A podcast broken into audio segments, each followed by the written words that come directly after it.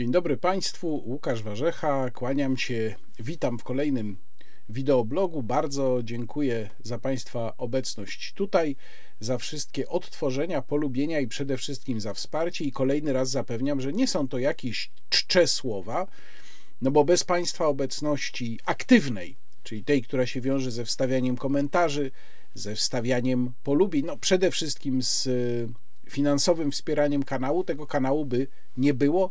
A jak Państwo widzą, kanał staram się rozwijać. Polecam nowy cykl Konstytucja Wolności, którego pierwszy odcinek się pojawił. To są filmy, przypominam, które nie są uzależnione od aktualnych wydarzeń, choć czasem takie wydarzenia mogą być pretekstem. Dlatego od razu zapowiadam, że w kolejnym odcinku Konstytucji Wolności zajmę się sprawą proponowanego zakazu kupowania napojów energetycznych przez niepełnoletnich, zakazu proponowanego przez partyjkę e, Adama Bielana Republikanie, bo to jest właśnie dobry przykład, dobry punkt wyjścia do tego, żeby snuć pewne ogólne rozważania. Zatem tego tematu dzisiaj nie będzie i od razu zapowiadam, że dzisiaj prawie cały program będzie poświęcony różnym aspektom związanym z wojną na Ukrainie, bo też zbliża się rocznica tego wybuchu, wybuchu tego konfliktu. I następny wideoblog będzie już po tej rocznicy. Jeszcze będziemy mieli po drodze wizytę w dniach 20-22 lutego, wizytę pana prezydenta Joe'ego Bidena w Polsce, która to wizyta pewnie no, wzmoże te różne zjawiska i, i rozhisteryzuje niektóre kręgi i będzie świetną okazją do promocji amerykańskiego interesu wykonywanego realizowanego przez Polskę, chociaż tutaj muszę zaznaczyć od razu, głównym punktem takim, który bardzo Państwu polecam, e, tego wideoblogu będzie omówienie bardzo interesującej analizy Rent Corporation z e, końca stycznia, analizy tego, w, jakim, w jakie warianty e, zakończenia wojny są korzystne właśnie dla Stanów Zjednoczonych i tutaj mogą się Państwo zdziwić, bo Rent Corporation, która jest współfinansowana przez amerykański rząd, no, y, stawia na, takie, na taki rozwój wydarzeń, czy może raczej wskazuje na taki rozwój wydarzeń jako korzystny dla Stanów Zjednoczonych, który również, moim zdaniem, byłby korzystny dla Polski. Więc e, ta zgodność interesów amerykańskich, przynajmniej zdaniem niektórych analityków, bo wiemy, że oczywiście w Stanach Zjednoczonych też trwa wokół tego spór, mm, e, może być nawet zaskakująco daleka z e, interesem polskim w tej wojnie. Ale do tego jeszcze przejdę. Omówienie raportu analizy Rent Corporation dalej w drugiej, czy nawet końcowej części wideoblogu. Ja jeszcze chciałem e, powiedzieć, że 23 lutego to jest czwartek o godzinie 18, czyli to akurat będzie dzień po wizycie pana prezydenta Bidena w sali e, e, NOT Naczelnej Organizacji Technicznej przy ulicy Marii Skłodowskiej-Curie 2 w Białymstoku będę miał przyjemność spotkać się z tymi, którzy przyjdą na to spotkanie, odbywające się w ramach cyklu Czwartki z Konfederacją. Mm, tu zaznaczam, że ja oczywiście chętnie przyjeżdżam na zaproszenie różnych organizacji. Tutaj akurat jest to Konfederacja, ale gdyby zaprosiła mnie Platforma Obywatelska, czy Prawo i Sprawiedliwość, czy też jakaś inna organizacja, oczywiście też przyjadę. Zawsze chętnie się spotykam tam, gdzie to są spotkania otwarte z, z ludźmi, niezależnie od tego, kto je organizuje, więc też zachęcam, jeżeli na przykład jakieś lokalne koło Prawa i Sprawiedliwości jest zainteresowane, to proszę się odezwać. Ja bardzo chętnie e, przyjadę. I chciałem jeszcze przeprosić wszystkich Państwa, którzy czekają na tradycyjny przerywnik pomiędzy częściami z naszym ulubionym gierkiem 2.0 pykającym w pingla. No ale tego dzisiaj nie będzie, bo tematy nie za bardzo pasują, za to będzie inny przerywnik. Jak już Rosjanie będą tutaj na kolanach przychodzili po to, żeby podpisać pokój. Zacząć muszę od wydarzenia, które jest powiązane z konfliktem, natomiast nie dotyczy go bezpośrednio, jest poniekąd jego skutkiem. Mianowicie mówię tutaj o cenzurze która po raz kolejny, tak nieoficjalna cenzura, która po raz kolejny się objawiła, tym razem została właśnie nie zamknięta, tylko ograniczony został dostęp, tak chyba trzeba powiedzieć, do strony tygodnika Najwyższy Czas. Najprawdopodobniej y, poprzez właśnie działania służb. Napisałem o tym obszerny tekst w Salonie 24. Jak zwykle linki do wszystkich tekstów, o których będę mówił, są w y, opisie filmu. Ja mówiłem już o tym mechanizmie cenzorskim w maju ubiegłego roku, kiedy została w podobny sposób zablokowana strona telewizji w Realu 24. I wtedy omawiałem ten mechanizm oparty na artykule 180 prawa telekomunikacyjnego ustawy z 2024 roku, czyli y, uchwalonej zarządów Leszka Millera, ale muszę powtórzyć to, dlatego że no, sprawa jest y, poważna. Y, więc po pierwsze, ważne jest to, że cała procedura oparta na tym artykule 180 prawa telekomunikacyjnego to jest jak proces. Y, mam na myśli proces, nie taki proces w praworządnym państwie, tylko proces tytuł powieści Franca Kawki. Proces Józefa K., który przypomnę, pewnego dnia został zabrany i nie wiedział o co chodzi, dlaczego i właściwie za co otrzymuje wyrok. I tutaj jest bardzo podobnie. Wszystko odbywa się w tajemnicy i bez informowania zainteresowanego. Artykuł 180 prawa telekomunikacyjnego mówi, że przedsiębiorca telekomunikacyjny jest obowiązany do niezwłocznego blokowania połączeń telekomunikacyjnych lub przekazów informacji na żądanie uprawnionych podmiotów, które nie są tutaj wymienione w ustawie, co już samo w sobie jest skandaliczne. Jeżeli połączenia te mogą zagrażać obronności, bezpieczeństwu państwa oraz bezpieczeństwu i porządkowi publicznemu, albo do umożliwienia dokonania takiej blokady przez te podmioty, czyli te podmioty uprawnione. Tutaj taka ciekawostka, y, przypominam, że procedowane jest aktualnie prawo komunikacji elektronicznej w Sejmie i tam już następuje rozróżnienie na przedsiębiorcę telekomunikacyjnego i przedsiębiorcę komunikacji elektronicznej, czyli w tej nowej nomenklaturze mm, przedsiębiorca komunikacji elektronicznej to byłby na przykład dostawca internetu, a w nomenklaturze prawa telekomunikacyjnego wszyscy oni są traktowani, mm, że tak powiem, zbiorczo. E, I teraz e, nie ma obowiązku, nie wynika z tej ustawy żaden obowiązek poinformowania kogokolwiek o tym, co się dzieje. Nie ma tu również żadnego elementu nadzoru sądowego. Po prostu gdzieś tam w gabinecie pana ministra Kamińskiego czy pana ministra Wąsika dochodzą do wniosku, że o, trzeba by zablokować najwyższy czas. Dają taki sygnał Agencji Bezpieczeństwa Wewnętrznego, bo to na ogół ona te pisma rozsyła, no i ona właśnie komunikuje dostawcom internetu, że powinni zablokować określoną stronę, bo tutaj y, trzeba wytłumaczyć trochę, jak to działa technicznie, żeby zrozumieć, że to jest taka cenzura wprowadzana kuchennymi drzwiami, ale cenzura też mocno kulawa. Otóż tak naprawdę strona nie jest wyłączana. Strona najwyższego czasu cały czas działa, zresztą strona telewizji w Realu 24 też działa, tylko na niej się nic nie pokazuje poza y, apelem o wsparcie. Po prostu nie ma to już sensu.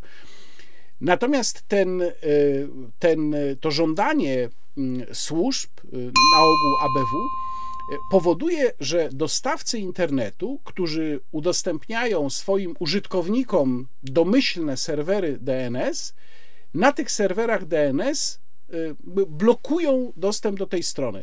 Nie chcę tu się wdawać w szczegóły techniczne, zresztą trochę napisałem o tym właśnie na blogu w Salonie 24.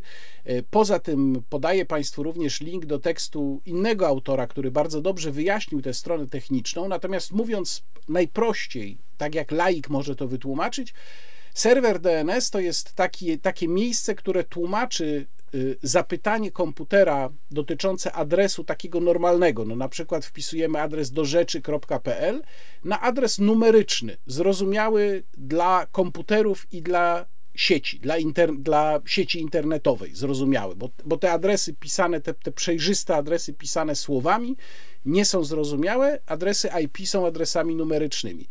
Czyli serwery DNS pełnią taką kluczową rolę. No i teraz y, ta blokada polega na tym, że mm, y, taki zwykły użytkownik nie ustawia sobie sam, jaki ma być ten serwer DNS, tylko ustawia taki automat i jego dostawca internetu kieruje domyślnie żądania dotyczące tego przetłumaczenia adresu internetowego do jakiegoś tam serwera DNS, nad którym ma na ogół kontrolę.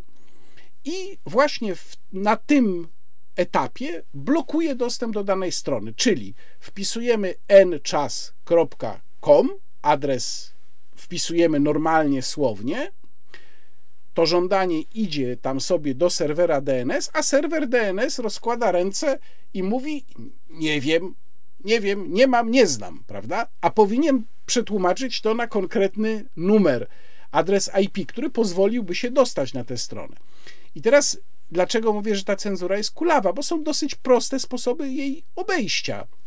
Można skorzystać z jakiejś aplikacji, która wprowadza VPN, wprowadza nas w tryb VPN, Virtual Private Network, to jest żąda nasze żądanie, idzie wtedy dookoła, mm, na ogół idzie przez jakiś serwer DNS zagraniczny, bo na, tak działa VPN e, i za granicą już ta cenzura wąsika z Kamińskim nie działa, więc z zagranicy też po prostu da się wejść na te niby zablokowane strony. Można też samemu ustawić sobie własny serwer DNS, to znaczy wybrać serwer DNS z ogólnie dostępnych, ale konkretnych. Na przykład Google ma taki serwer, są serwery Cloudflare, są serwery OpenDNS.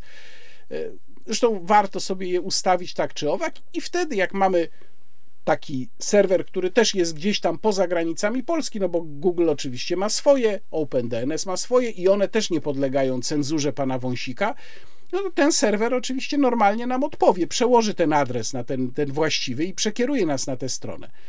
Ale cenzorzy z Ministerstwa Spraw Wewnętrznych wiedzą, że to są zabiegi, które jakaś tam część użytkowników wykona.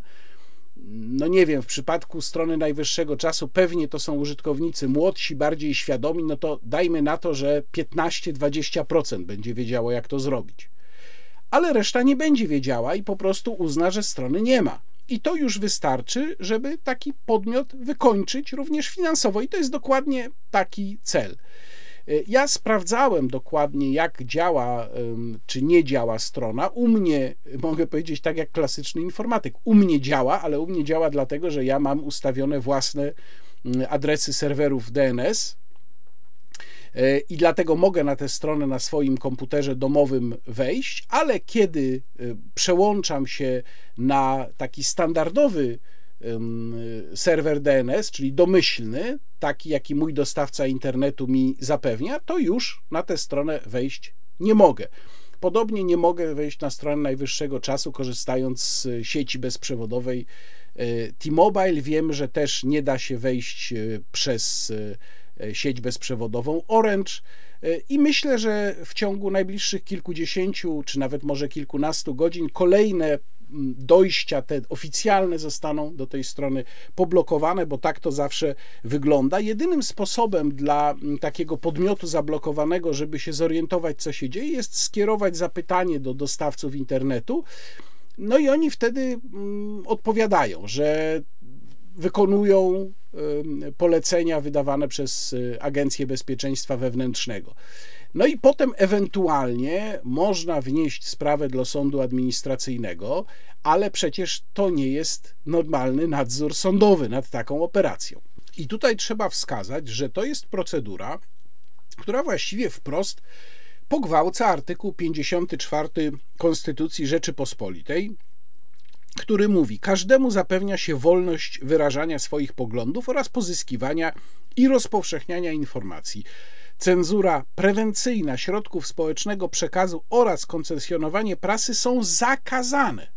Cenzura prewencyjna jest wprost zakazana w Konstytucji. Oczywiście Konstytucja robi wyjątek, dlatego że nie wszystkie prawa obywatelskie są bezwzględne, ale niektóre są. Na przykład prawo do sądu w żadnych okolicznościach nie może być zawieszone, nawet w czasie stanów nadzwyczajnych. Ale w 31 artykule Konstytucja dopuszcza ograniczenie niektórych wolności konstytucyjnych ustawą. Ograniczenia w zakresie korzystania z konstytucyjnych wolności i praw mogą być ustanawiane tylko w ustawie i tylko wtedy, gdy są konieczne w demokratycznym państwie dla jego bezpieczeństwa lub porządku publicznego, bądź dla ochrony środowiska, zdrowia i moralności publicznej, albo wolności i praw innych osób. Ograniczenia te nie mogą naruszać istoty wolności i praw. I taka możliwość, gdzie wprost jest mowa o zastosowaniu cenzury, aczkolwiek nie obejmującej internetu, to znaczy nie obejmującej na przykład mediów społecznościowych, bo strony gazet w internecie pewnie tak, ale mediów społecznościowych już nie, to jest zapisane w ustawach o stanie wyjątkowym i stanie wojennym. I wtedy tak, i wtedy rolę organu cenzury pełni wojewoda. No ale my nie mamy żadnego stanu nadzwyczajnego i czytając artykuł 31 Konstytucji, no też za bardzo ta procedura mm, zawarta w prawie telekomunikacyjnym do niego nie pasuje, bo tutaj nie ma żadnej kontroli, żadnej weryfikacji, czy rzeczywiście e, to żądanie mm, kierowane przez te uprawnione podmioty, żeby zablokować daną stronę, służy e, ochronie bezpieczeństwa, ładu publicznego, porządku publicznego to jest po prostu cenzura robiona po uważaniu i wprowadzana kuchennymi drzwiami. I e, jeszcze jedna rzecz, bo obserwując dyskusję na ten temat, widzę takie mm, podejście, wiele osób takie ma, że o, bardzo dobrze, bo tam była nieprawda pisana, tam były fejki. Ja bym chciał przypomnieć tym, którzy tak argumentują, że w Polsce publiczne głoszenie nieprawdy nie jest zabronione. Nie wiem zresztą, czy jest zabronione w jakimkolwiek europejskim kraju, czy w ogóle jakimkolwiek zachodnim kraju. Mm, było, byłoby to, byłaby to zasada bardzo niebezpieczna, o czym zaraz powiem. E, natomiast były takie pomysły. Przecież jakiś czas temu bardzo modna była dyskusja o tym, czy powinno się karać właśnie za fake newsy. Nawet przecież partia rządząca z takimi pomysłami występowała. Natomiast nie ma, proszę Państwa, w Polsce kar za publiczne głoszenie nieprawdy i bardzo dobrze, że ich nie ma. Są pewne wyjątki. Jest na przykład ustawa o IPN, która penalizuje e, zaprzeczanie e, zbrodniom e, totalitarnym. Czy to dobrze, że taki zapis jest, czy źle, teraz w to nie wchodzę, ale on jest. No i oczywiście jest ochrona dóbr osobistych poprzez kodeks cywilny i poprzez kodeks karny również. Artykuł 212 to jest właśnie przykład takiej ochrony. Ale jeżeli nie narusza się mm, zapisów ustawy o IPN i nie narusza się y, zapisów, nie narusza się czyichś dóbr osobistych lub też nie wchodzi się w zakres tych artykułów kodeksu karnego, które mówią o znieważeniu głowy państwa, to zostawiam na marginesie. I jeżeli ktoś, powiedzmy, tworzy gazetę i w tej gazecie pisze, że Ziemia jest płaska, to to nie jest w Polsce zabronione, proszę Państwa. Jeśli się niektórym wydaje, że powinno być, to przypominam, że pojęcie fake newsa jest bardzo dzisiaj nadużywane, bardzo mocno nadużywane. I tu odsyłam, nawiasem mówiąc, od razu do ostatniej części wideoblogu, kiedy powiem parę słów na temat mojej ulubionej organizacji, tak zwanej fact-checkingowej demagog.pl. Jest bardzo nadużywane, ponieważ jako fake newsy kwalifikuje się bardzo chętnie dzisiaj w Polsce i robią to nagminnie politycy opinie, oceny, przewidywania i nazywa się to fejkiem. Gdybyśmy próbowali wprowadzić takie prawo, które penalizuje mówienie nieprawdy, to mielibyśmy po prostu wstęp do totalitaryzmu, bo pojęcie nieprawdy zostałoby maksymalnie rozdęte, a poza tym mówienie nieprawdy, która nie szkodzi nikomu, czy nie zagraża bezpośrednio niczyim dobrom osobistym, nie powinno być po prostu karalne. Ono się mieści w y, obrębie wolności słowa. Tu nawiasem mówiąc, chciałem zwrócić uwagę, że głośny ostatnio, bo znów używany przez te władze już do mm, wprowadzania takiego pewnego terroru myślowego, artykuł kodeksu karnego, który penalizuje e, pochwalanie wojny napastniczej, penalizuje, proszę Państwa, pochwalanie, co ważne, pochwalanie. Czyli jeżeli jest ktoś, kto powie, e, to nie Rosja napadła na Ukrainę, tylko odwrotnie, z czym ja chyba nie muszę mówić, że ja się z tym kompletnie nie zgadzam, bo uważam, że oczywiście to jest agresja Rosji na Ukrainę i nigdy nie, nie uważałem inaczej. Ale jeżeli ktoś tak powie i na tym skończy i nie powie to dobrze, to źle i tak dalej, to też nie wypełnia przesłanek tego artykułu kodeksu karnego. Problemem sytuacji takich jak ta z najwyższym czasem, ta z w Realu 24, czy również ta z TVN 24, kiedy to Prawo i Sprawiedliwość próbowało nie przedłużyć TVN 24 y, koncesji. Y, problem z tymi wszystkimi sytuacjami polega na tym, że bardzo duża y, liczba osób, większość osób w Polsce podzielonej niezwykle głęboko patrzy tylko w kategoriach na takie działania, tylko w kategoriach, czy po głowie dostaje ktoś, kogo lubią, czy kogo nie lubią. Jak dostaje ktoś, kogo nie lubią, to bardzo dobrze. Jak dostaje ktoś, kogo lubią, to jest skandal i totalitaryzm. Y, ja namawiam do tego, żeby patrzeć w kategoriach uniwersalnych, bo jest tak, że jeżeli ta władza będzie używać instrumentu cenzorskiego i nikt się temu nie przeciwstawi, to za chwilę następna władza będzie używać instrumentu cenzorskiego.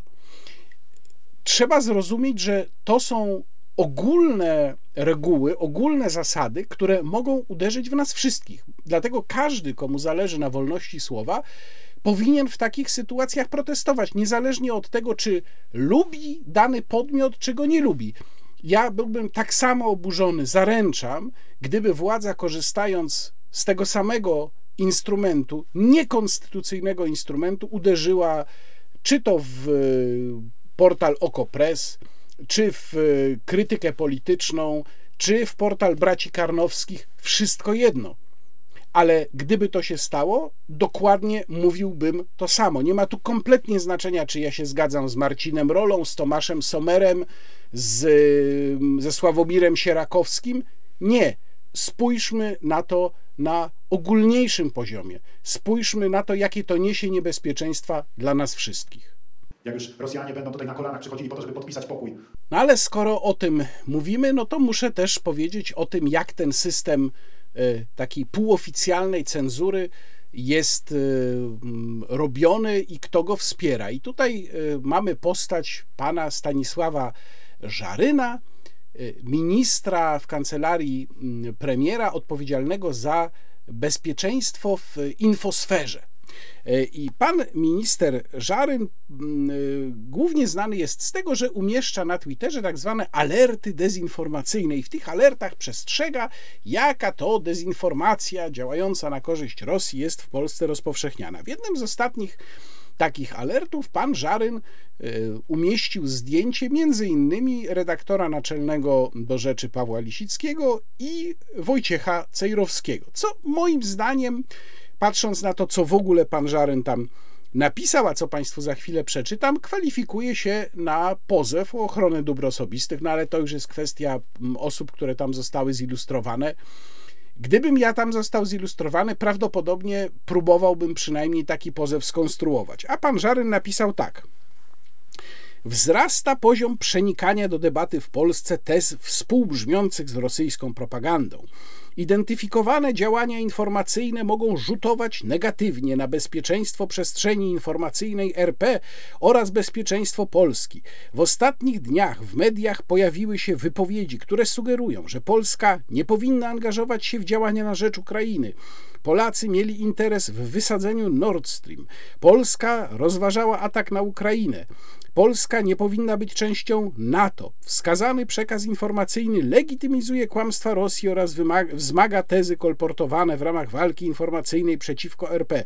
Wypowiedzi polskich komentatorów i polityków wpisujące się w działania rosyjskiej propagandy stanowią dodatkową korzyść dla agresora.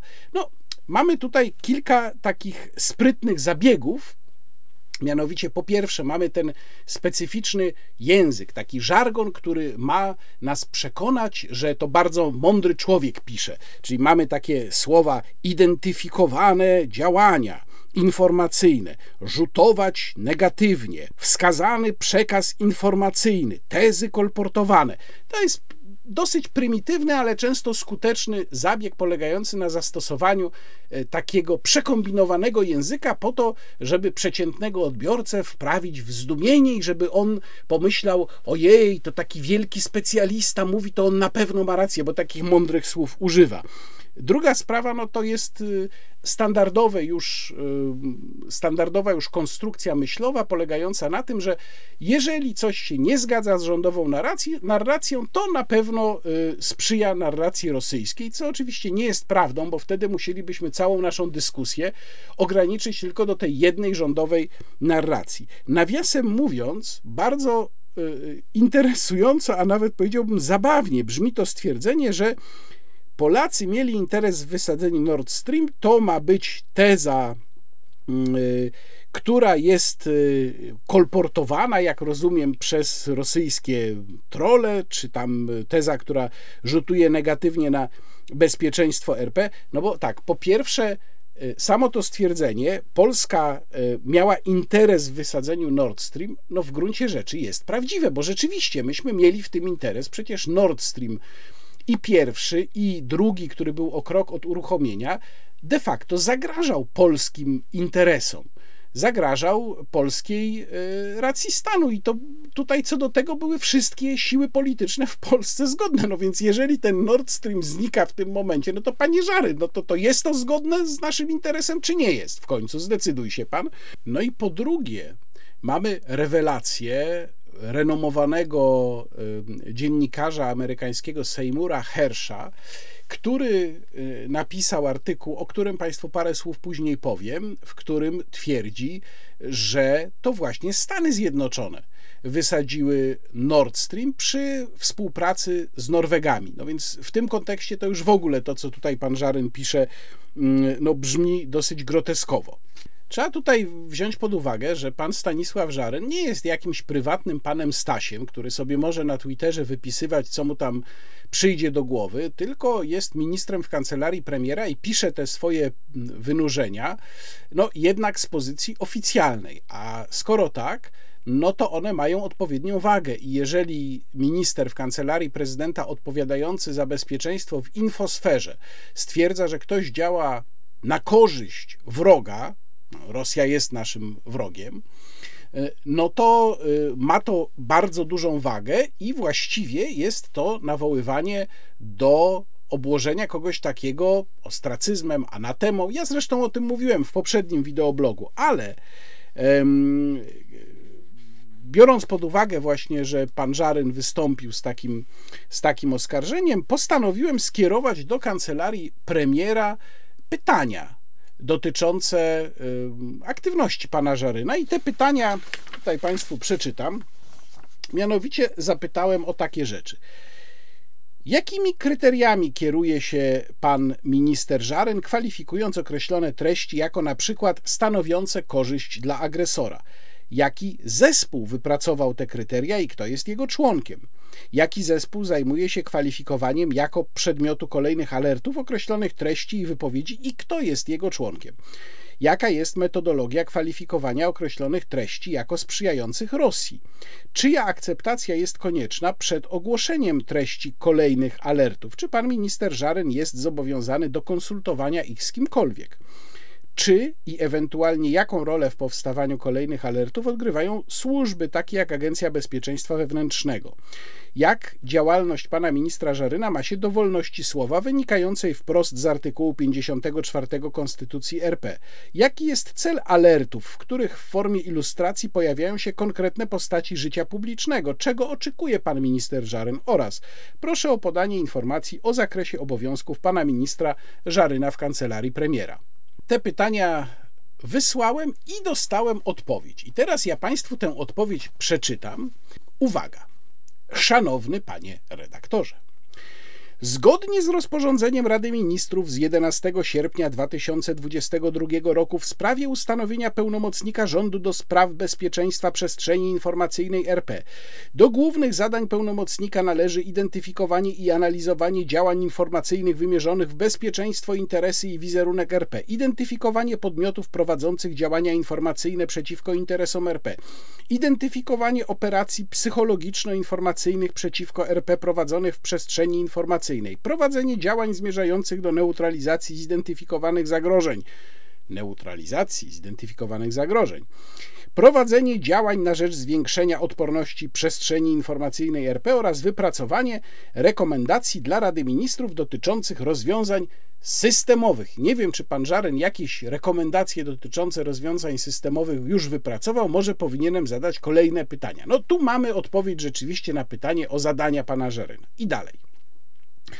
Powyżej wymienione zadania mają kluczowe znaczenie w obliczu działań hybrydowych, w tym walki informacyjnej prowadzonej przez Federację Rosyjską przeciwko Polsce w kontekście rosyjskiej agresji na Ukrainę. Należy podkreślić, że walka informacyjna należy do rosyjskiej doktryny wojennej i służy osiąganiu przez Federację Rosyjską celów strategicznych, a rosyjskie operacje psychologiczno-informacyjne są koordynowane przez służby specjalne i angażują środki i siły całego aparatu państwowego.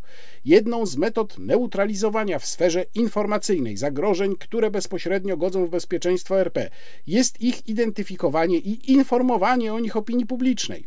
Świadomość w zakresie metod i celów prowadzenia wrogich operacji informacyjnych zwiększa społeczną odporność na dezinformację i sprawia, że przeciwnik nie osiąga swoich założonych celów. Jest to tym bardziej istotne, że w ostatnim czasie rosyjskie ataki informacyjne wymierzone w Polskę nasiliły się, a tezy powielające rosyjską propagandę zaczęły przenikać nawet do mainstreamowych mediów, środowisk eksperckich czy kręgów politycznych.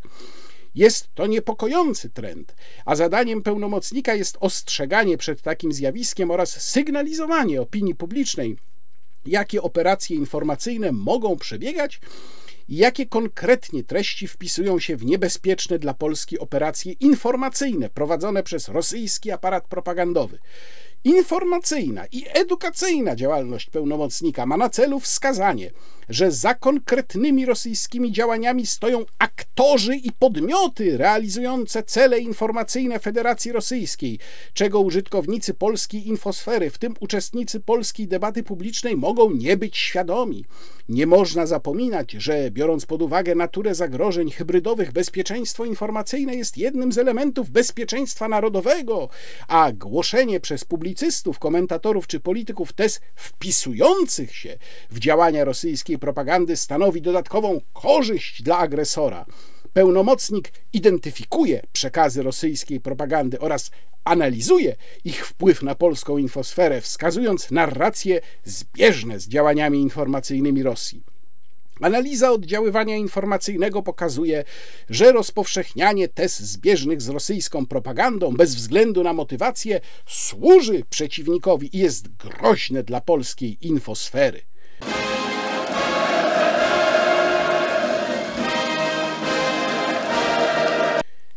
Uf.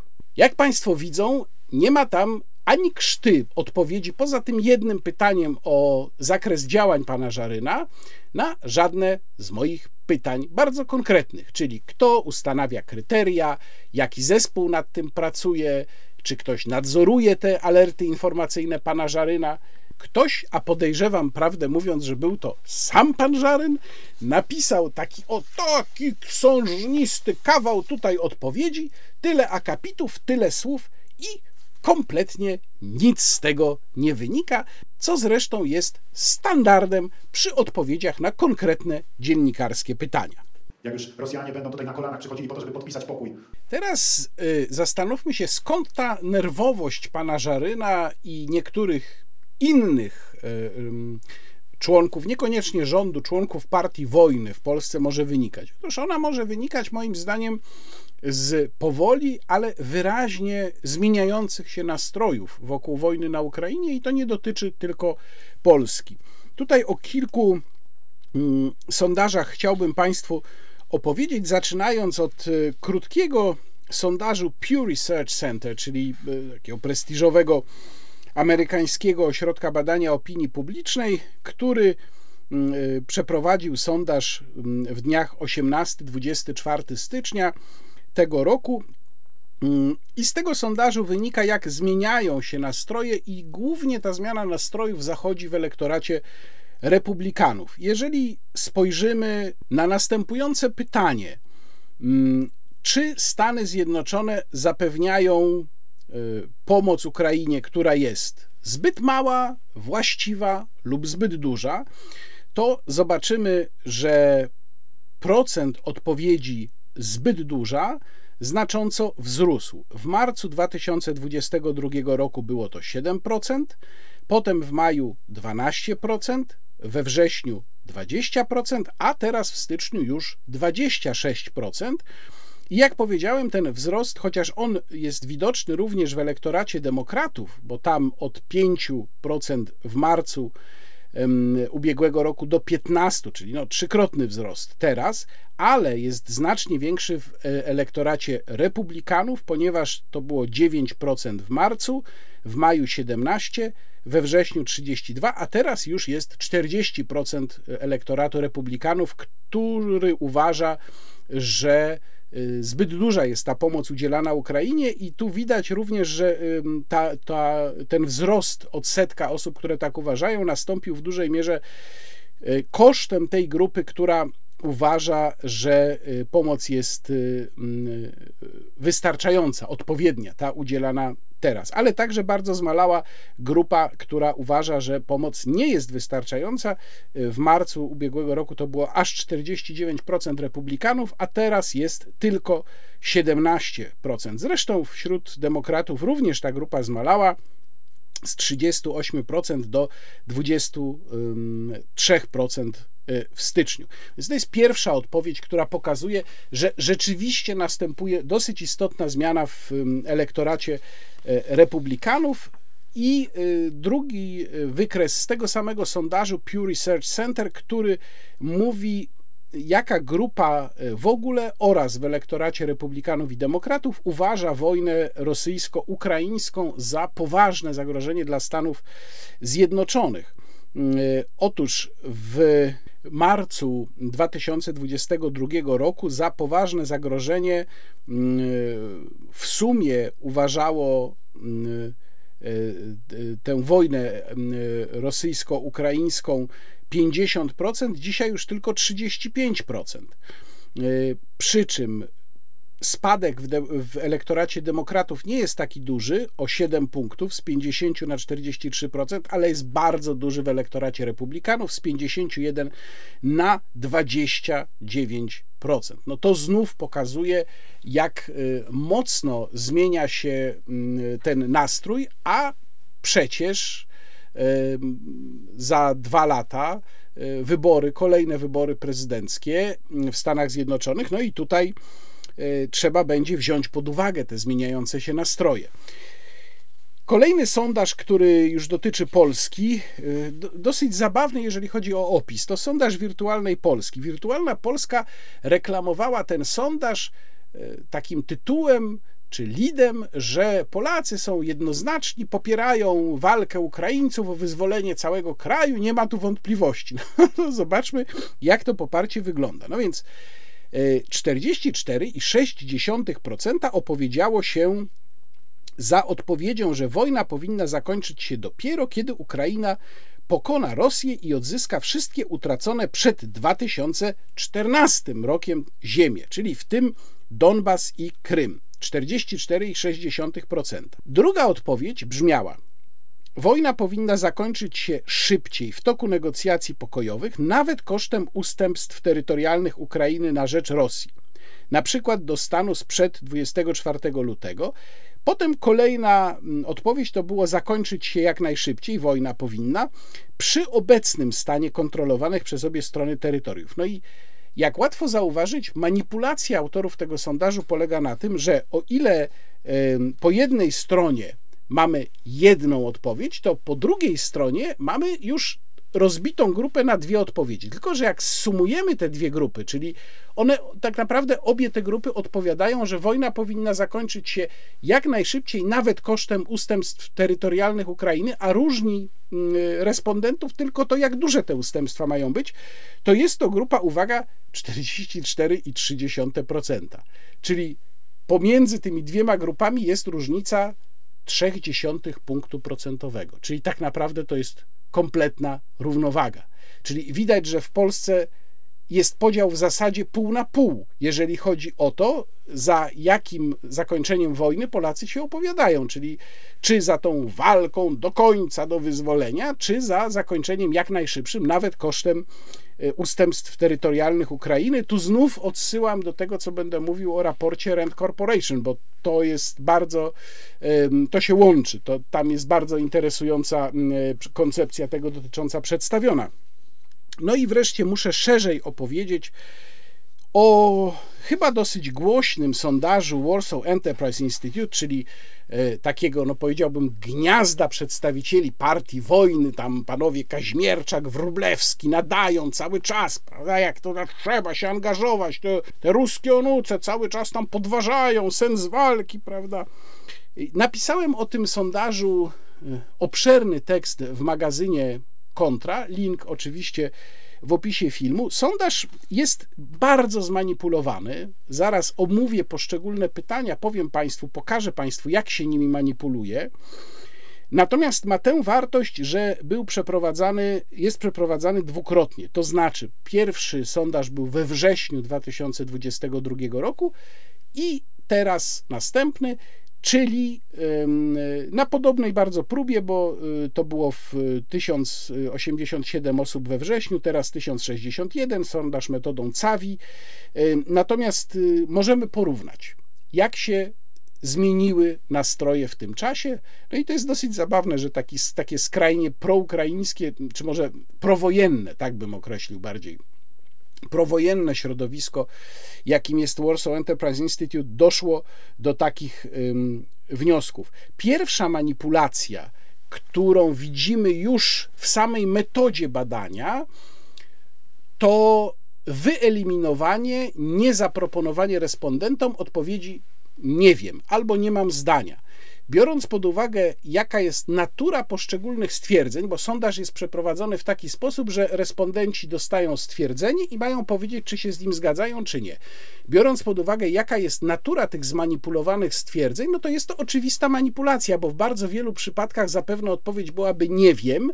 Natomiast jeżeli takiej odpowiedzi nie ma, no to to wymaga od respondenta, żeby się opowiedział za albo przeciw. Ma niby do wyboru opcję raczej się zgadzam, bardzo się zgadzam, raczej się nie zgadzam, bardzo się nie zgadzam, no ale nie ma do wyboru opcji takiej dezinteresment, prawda? Nie wiem, albo nie interesuje mnie to.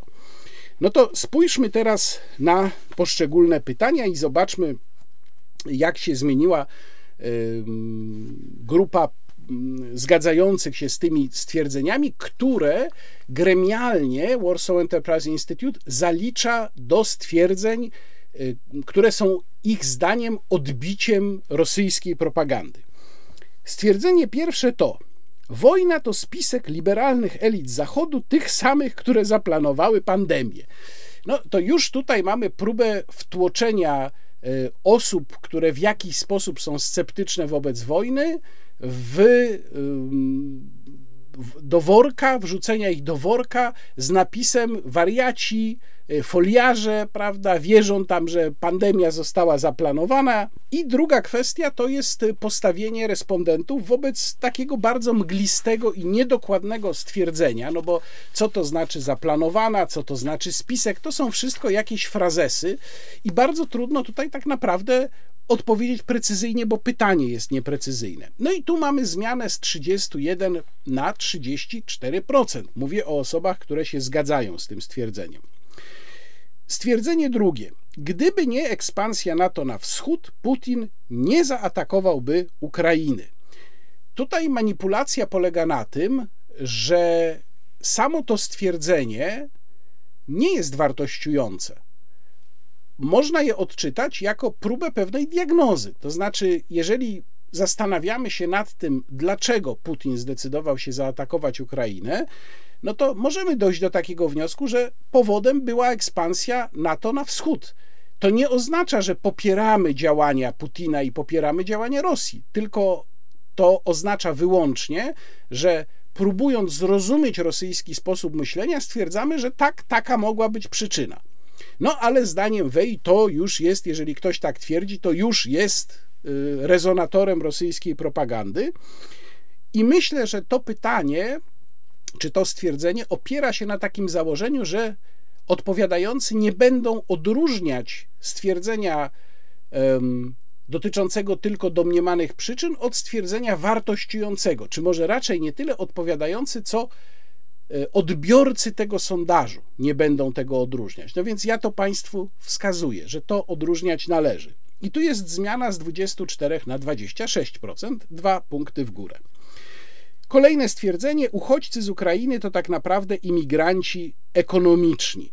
E, I tutaj mamy duży wzrost z 35 na 41%, czyli aż o 6 punktów, i myślę, że ten wzrost jest spowodowany przede wszystkim pogorszeniem się osobistej sytuacji Polaków którzy są tym bardziej uczuleni na różne kwestie dotyczące rynku pracy czy dotyczące mm, gospodarki, i pewnie uważają, że duża część Ukraińców mogłaby wrócić do swojego kraju. Jeżeli nie wracają, to nie dlatego, że są uchodźcami, tylko dlatego, czy że nie mogą, tylko dlatego, że po prostu tutaj im się dobrze żyje. I prawdopodobnie skąd, stąd jest taka odpowiedź na to pytanie.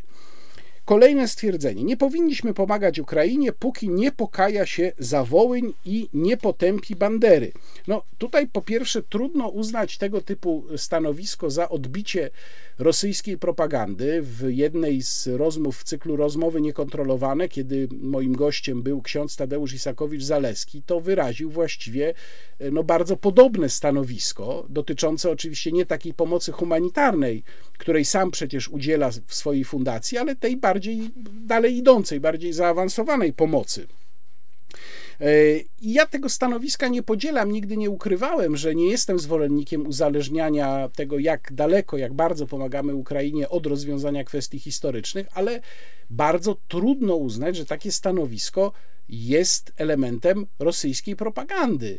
Ono jest absolutnie dopuszczalne. Ja rozumiem ludzi, którzy tak uważają. To jest zresztą też duża zmiana, bo z 25% na 30%.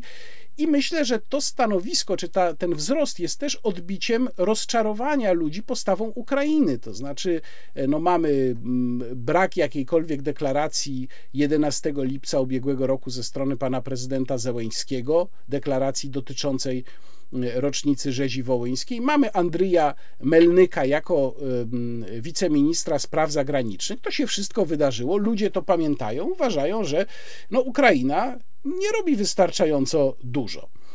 Y, piąte stwierdzenie. Polski nie stać na uchodźców. Co to ma w ogóle oznaczać? Nie stać, ale konkretnie na co? Co to znaczy nie stać? Y, manipulacja tutaj polega na skrajnej nieprecyzyjności tego stwierdzenia. Nie wiemy, co to znaczy nie stać. Nie stać na w ogóle przyjmowanie uchodźców, czy nie stać na obdarzanie uchodźców tymi świadczeniami socjalnymi, którymi są obdarzani. No tutaj y, można y, precyzyjnie rozważać, na co nas nie stać, natomiast y, WEI próbuje ludzi wepchnąć właśnie znowu w taki zero-jedynkowy, fałszywy wybór. Tu zmiana jest z 60% na 62%. Stwierdzenie szóste. Nie należy drażnić Rosji, gdyż posiada ona broń nuklearną. E, no, po pierwsze, co to znaczy drażnić w ogóle? To jest znów kolejne nieprecyzyjne stwierdzenie. Po drugie, E, kwestia groźby nuklearnej jest zupełnie poważnie rozważanym czynnikiem, rozważanym poważnie no może niekoniecznie w Polsce. Natomiast we wspomnianym przeze mnie, który będę omawiał raporcie Rent Corporation, to jest bardzo istotny czynnik. To w ogóle jest czynnik, który właściwie we wszystkich poważnych analizach sytuacji e, podczas wojny się pojawia i jeżeli Wej twierdzi, że to jest e, ruska propaganda, jeżeli ktoś mówi o tym czynniku, mm, no to naprawdę jest to grube i bardzo grube nadużycie. Tu zmiana zresztą też jest znacząca z 35 na 40%. Stwierdzenie siódme. Powinniśmy promować pokój za wszelką cenę, nawet za cenę ustępstw terytorialnych Ukrainy wobec Rosji. Po pierwsze, mamy tutaj manipulacyjne utożsamienie tej wszelkiej ceny z ustępstwami y, terytorialnymi Ukrainy na rzecz Rosji. No to nie jest wszelka cena. Jeżeli uznajemy, że nie jest możliwe totalne zwycięstwo Ukrainy, znów odsyłam po raz kolejny do raportu Rent, który będę omawiał, a myślę, że to jest bardzo racjonalne założenie, no to musimy przyjąć, że jakiekolwiek zakończenie walk będzie wynikiem jakiegoś kompromisu. W ramach tego kompromisu z całą pewnością Ukraina będzie musiała poczynić jakieś ustępstwa terytorialne, więc jest to zupełnie racjonalna hipoteza zakończenia tego konfliktu, a nie jakaś ruska propaganda. Więc e, Wej znów tutaj e, manipuluje. Zresztą nie podaje e, definicji ustępstw terytorialnych, bo przecież one mogą być różne. To nawet w tym wcześniejszym badaniu wirtualnej Polski, jak wskazałem, mogą być różne. To może być zatrzymanie się na tym poziomie zdobyczy terytorialnych rosyjskich, które są w tej chwili. To może być wycofanie się do linii sprzed 24 lutego, może być też jakiś stan pośredni. No i jeszcze trzeba tu zwrócić uwagę, że Wej próbuje utożsamić z ruską propagandą samą ideę pokoju, zawarcia szybkiego pokoju, co też oczywiście jest absurdem i y, po prostu dlatego, że przedłużanie się wojny niesie ze sobą konkretne ryzyka, które w każdej analizie należy uwzględnić uwzględnić. I tu zmiana również jest znacząca, to jest z 31 na 36%. I wreszcie stwierdzenie ósme. Powinniśmy zaprzestać dostarczania broni, bo to podpala dalej konflikt, który nie ma z nami żadnego związku. Nie wiem, co to znaczy konflikt nie ma z nami żadnego związku, znów to nie jest zdefiniowane. Ja bym się pod takim stwierdzeniem zresztą nie podpisał. Natomiast powinniśmy zaprzestać dostarczania broni. Znów manipulacja polega na nieprecyzyjności tego stwierdzenia. Przecież jeżeli mówimy o dostarczaniu broni, podkreślałem to wielokrotnie, to nie mówimy o jakimś, jakiejś zero-jedynkowej sytuacji. E, myśmy przekazali Ukrainie już bardzo dużo broni. Jest pytanie, czy powinniśmy byli przekazywać tak dużo. Ja uważam, że przekazaliśmy za dużo i uważam, że polska deklaracja przekazania dalszych 60 czołgów, czołgów idzie zbyt daleko. Natomiast tutaj możliwe są różne poziomy. E, można stwierdzić na przykład, że nasza pomoc powinna była się zatrzymać na etapie armatohaubic Krab, albo że stać nas było na przekazanie powiedzmy dajmy na to 40 czołgów Leopard, ale nie takiej liczby, jaką mamy e, przekazać. I tak dalej, i tak dalej. No więc znów e, manipulacja polega na tym, że pokazuje się ludziom jakieś bardzo nieprecyzyjne, ogólnikowe stwierdzenia i każe im się opowiedzieć za albo przeciw. Tutaj zmiana zresztą też jest niemała, bo z 30 na 34%.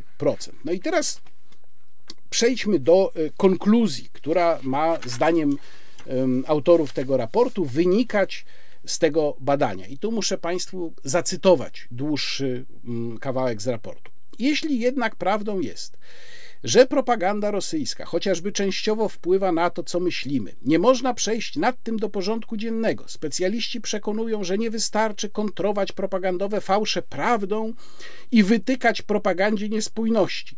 Najnowsze osiągnięcia nauk o człowieku mówią nam, że wcale nie jesteśmy takimi wrogami kłamstwa i niekonsekwencji, jakbyśmy chcieli no to rzeczywiście widać, zwłaszcza na przykładzie tego, jak Polacy przyjmują przekaz, który oficjalnie płynie z mediów, o ile wiara w nieprawdę w jakiś sposób jest dla nas komfortowa. E, cytowani wcześniej autorzy Paul i Matthews dają pozornie kontrowersyjną radę. Zamiast prostować propagandę Rosji, konkurujmy z nią. Dlaczego rada ta jest tylko pozornie kontrowersyjna? Propaganda rozumiana słownikowo nie jest jeszcze moralnie naganna pisze Wei. Jest to, za słownikiem PWN, celowe oddziaływanie na zbiorowości i jednostki zmierzające do pozyskania zwolenników i sojuszników, wpojenia pożądanych przekonań i wywołania określonych dążeń i zachowań. Moralnie naganne jest wykorzystywanie propagandy w złych celach i przy pomocy nieetycznych środków takich jak kłamstwo i manipulacja. Propaganda Zachodu, w tym Polski, powinna być więc szerokim informowaniem społeczeństwa na temat stanu faktycznego i interesów naszych państw opartym o fakty. Problem polega na tym, że Wej próbuje przesunąć granicę sporu dużo dalej niż ona się powinna znajdować. Bo Wej mówi mniej więcej coś takiego. Granicą prawdy jest to, że nasz interes to jest wspierać Ukrainę do samego końca, prowadzenie wojny do samego końca i to jest ta granica. No nie.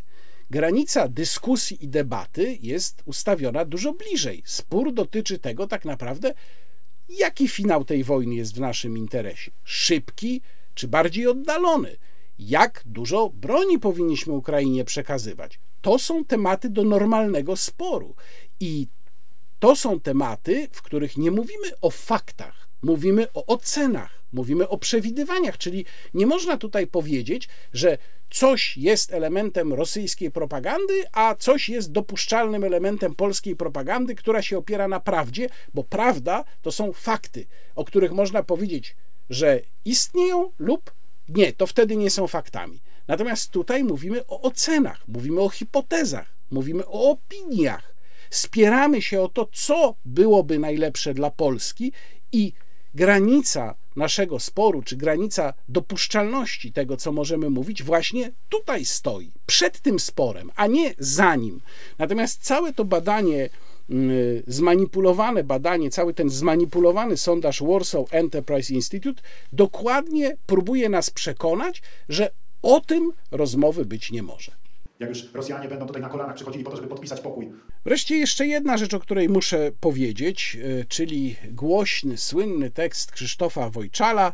No może przesadziłem z tym głośny i słynny, bo takich skutków jakoś daleko idących tego tekstu nie widzę, no ale w każdym razie odbił się jakimś tam echem. Krzysztof e, Wojczal, taki, no powiedziałbym, samozwańczy analityk, geopolityk, 5 lutego opublikował na swoim blogu tekst, który mm, miał stanąć w opozycji do lansowanego przez pana doktora Sykulskiego hasła, że to nie jest nasza wojna, więc pan Wojczal postanowił lansować hasło, że to jest nasza wojna. Ja od razu powiem, że nie utożsamiam się ani z jednym, ani z drugim hasłem, ponieważ żadne z nich nie definiuje, co to znaczy nasza. A ja jestem zwolennikiem precyzyjnych definicji. Tutaj takiej definicji nie mamy. I w związku z tym bardzo trudno się opowiedzieć za jednym albo za drugim stwierdzeniem. Ja mogę powiedzieć tak, to nie jest nasza wojna w tym sensie, że nie bierzemy w niej udziału. Naszym celem naczelnym powinno być to, żebyśmy w niej nie wzięli udziału i nie jest nasza w tym sensie, że nie mamy żadnego obowiązku, żeby stać w pierwszym szeregu, a nawet się przed niego wycof- wysuwać, a już na pewno nie mamy takiego obowiązku, wziąwszy pod uwagę, jak dużo już zrobiliśmy. Natomiast jest to nasza wojna w tym sensie, że ona ma dla nas znaczenie, ma dla nas znaczenie to, co się stanie z Ukrainą.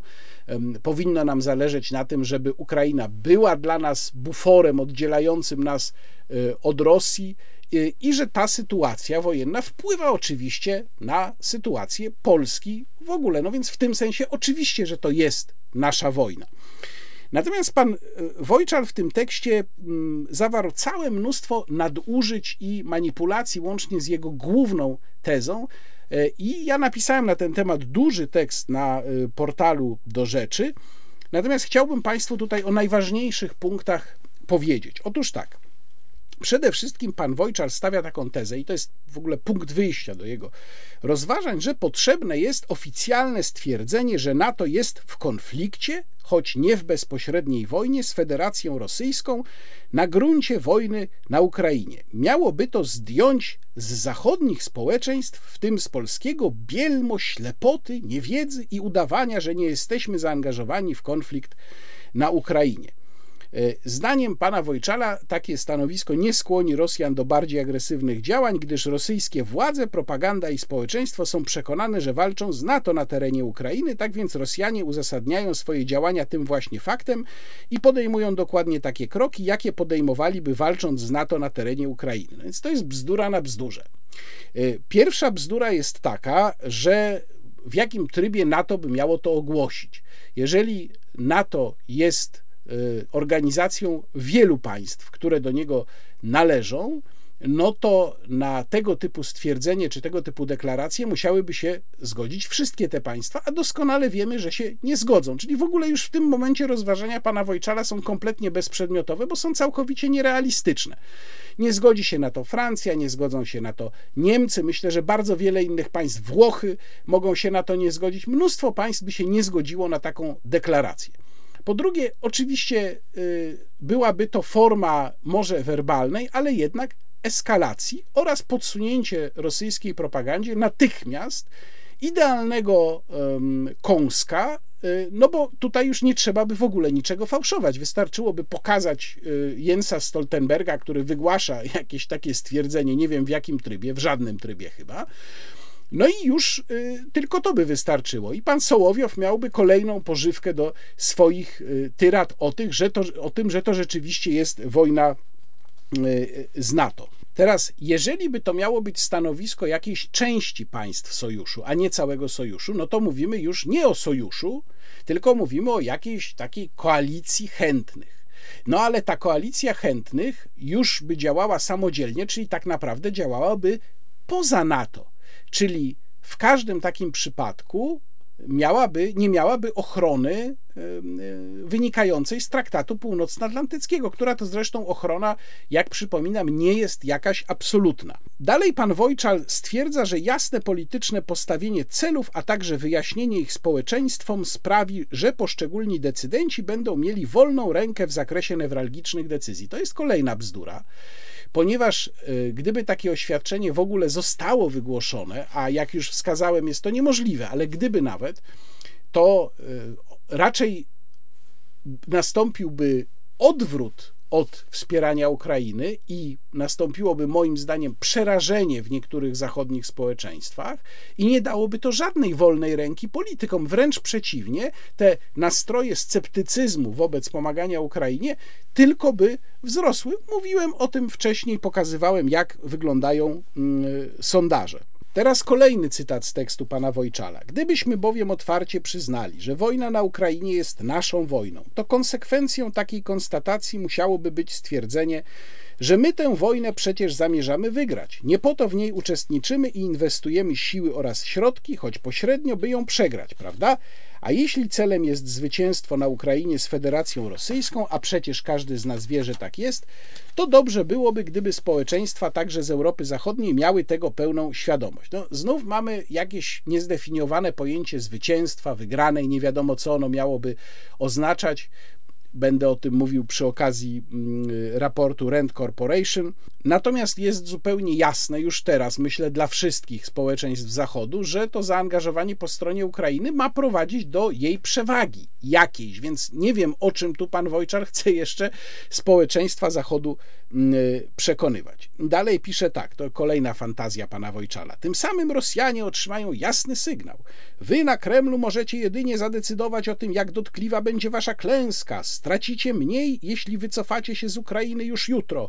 Im więcej wyślecie ludzi i sprzętu na Ukrainę pojutrze, tym porażka będzie bardziej druzgocąca.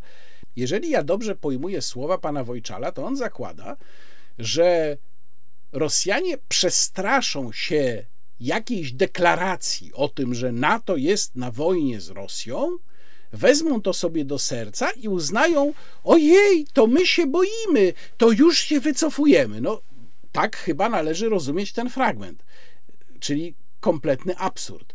Wreszcie bardzo ważna kwestia. Po pierwsze, pan Wojczal tworzy taką konstrukcję w tym tekście, z której ma wynikać, że jest jakaś liniowa kontynuacja y, uderzenia na Ukrainę, gdzie zresztą pan Wojczal zakłada, i to jest chyba najbardziej druzgocący element jego tekstu, że jeżeli Rosjanie posuną się za daleko, to NATO powinno wprowadzić tam swoje wojska żeby y, działać na terytorium Ukrainy, a nie na terytorium NATO.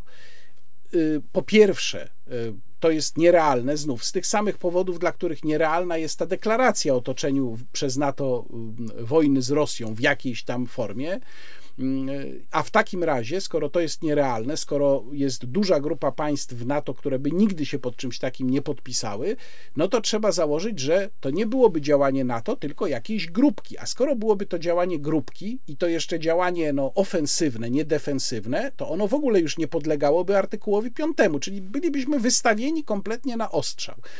I tutaj pan Wojczal zupełnie nie, e, nie, nie uwzględnia faktu, że Polska jest na pierwszej linii. Tam w jego tekście nie ma ani jednego elementu, ani jednego słowa akapitu poświęconego ryzykom, które to tworzy dla Polski. Tak jakby żadnych ryzyk nie było. Tak jakby pan Wojczar sobie tam grał w jakąś gierkę komputerową i o, tutaj nacisnąłem, żołnierzyk wyskoczył, tam uderzył, strzelił, no fajnie. Ale jednocześnie pan Wojczar próbuje stworzyć takie wrażenie, że dla Rosji uderzenie na Ukrainę to jest w zasadzie to samo, co uderzenie na państwo NATO, no bo na tym się opiera jego teza, że musimy wkroczyć w razie czego na Ukrainę, bo jak nie wkroczymy, to Rosja uderzy w nas. No tylko, że w ten sposób pan Wojczal ignoruje całkowicie ten próg, bardzo istotny próg i psychologiczny, i strategiczny, którym jest właśnie granica NATO. Rosja zaatakowała Ukrainę, która nie jest w NATO. My Jesteśmy w NATO i jakkolwiek traktat północnoatlantycki nie gwarantuje nam automatycznej pomocy ze strony naszych sojuszników, to jest to jednak bardzo mocna gwarancja. I my się tej gwarancji musimy trzymać. Nie wolno nam z niej rezygnować, na przykład poprzez wejście w jakieś działania zaczepne na Ukrainie. No i jeszcze jeden cytat. Na szybkim zakończeniu wojny, przy jednoczesnym zneutralizowaniu rosyjskiego zagrożenia, powinno najbardziej zależeć Europejczykom, w tym na przykład Wielkiej Brytanii, Francji, Italii, a nawet Niemcom. Nie chodzi bowiem tylko o to, by zakończyły się działania wojenne na Ukrainie. Celem jest trwały pokój, neutralizacja zagrożeń, a w konsekwencji powrót do budowy prosperity i wydźwignięcie się z kryzysów. Po pierwsze, założenie trwałego pokoju jest nieracjonalne w obecnej sytuacji. Będę o tym za chwilę mówił. Znowu raport Rent Corporation, który jest na, na tyle wysokim poziomie analizy, że pokazuje, jak dziecinne są takie y, rozważania, jak te pana Wojczala. Druga sprawa, co by to miało znaczyć neutralizacja zagrożeń? No, jak można zneutralizować zagrożenie, które tworzy Rosja? Chyba trzeba by doprowadzić do całkowitego, totalnego zwycięstwa, a to by oznaczało trzecią wojnę światową, jest nierealne, no bo jeżeli się tego nie zrobi, to nie widzę innego sposobu, żeby całkowicie można było zneutralizować rosyjskie zagrożenie. Zatem podsumowując, cały ten tekst, całe te rozważania są oparte na, na długiej serii fałszywych założeń, przeinaczeń i manipulacji, i w związku z tym nie są wiele warte, a jak naprawdę wyglądają warianty rozwoju sytuacji z amerykańskiego punktu widzenia, ale y, tam również gdzieś no, możemy wkomponować w te rozważania Polskę, to y, za chwilę Państwu opowiem. Jak już Rosjanie będą tutaj na kolanach przychodzili po to, żeby podpisać pokój. Zanim jednak opowiem Państwu o y, raporcie Rent Corporation, który zrobił na mnie rzeczywiście duże wrażenie, to jeszcze parę słów na temat tekstu, który Został odnotowany w polskich mediach, ale został odnotowany dosyć marginalnie, jednak moim zdaniem, jak na swoją wagę. Mówię tutaj o tekście How America Took Out the Nord Stream Pipeline, czyli jak Ameryka zniszczyła mm, e, gazociąg Nord Stream. Tekście Seymoura Hersha. Tu parę słów o Seymourze e, Herszu to jest dziennikarz z no, niesamowitym wręcz powiedziałbym dorobkiem. E, dziennikarz, który ujawnił e, masakrę w My Lai, e, dokonaną przez wojska amerykańskie w czasie wojny w Wietnamie. Laureat nagrody Pulitzera w roku 1970, ale otrzymał w ogóle dużo bardzo nagród dziennikarskich. Dziennikarz, który ujawnił praktyki w więzieniu Abu Ghraib, tutaj mówimy o okresie tak zwanej wojny z terroryzmem prowadzonej przez Stany Zjednoczone. No i teraz właśnie Seymour Hersh na e, Substaku opublikował e, tekst, no rzeczywiście tekst, który po prostu ujawnia rewelację, jeżeli wierzyć tym ustaleniom Seymoura Hersha. I e, cóż takiego Seymour Hersh tutaj pisze? Kilka najważniejszych punktów, bo sam tekst jest długi, rzecz jasna, linkuję do niego w opisie filmu, jeżeli chcą Państwo przeczytać.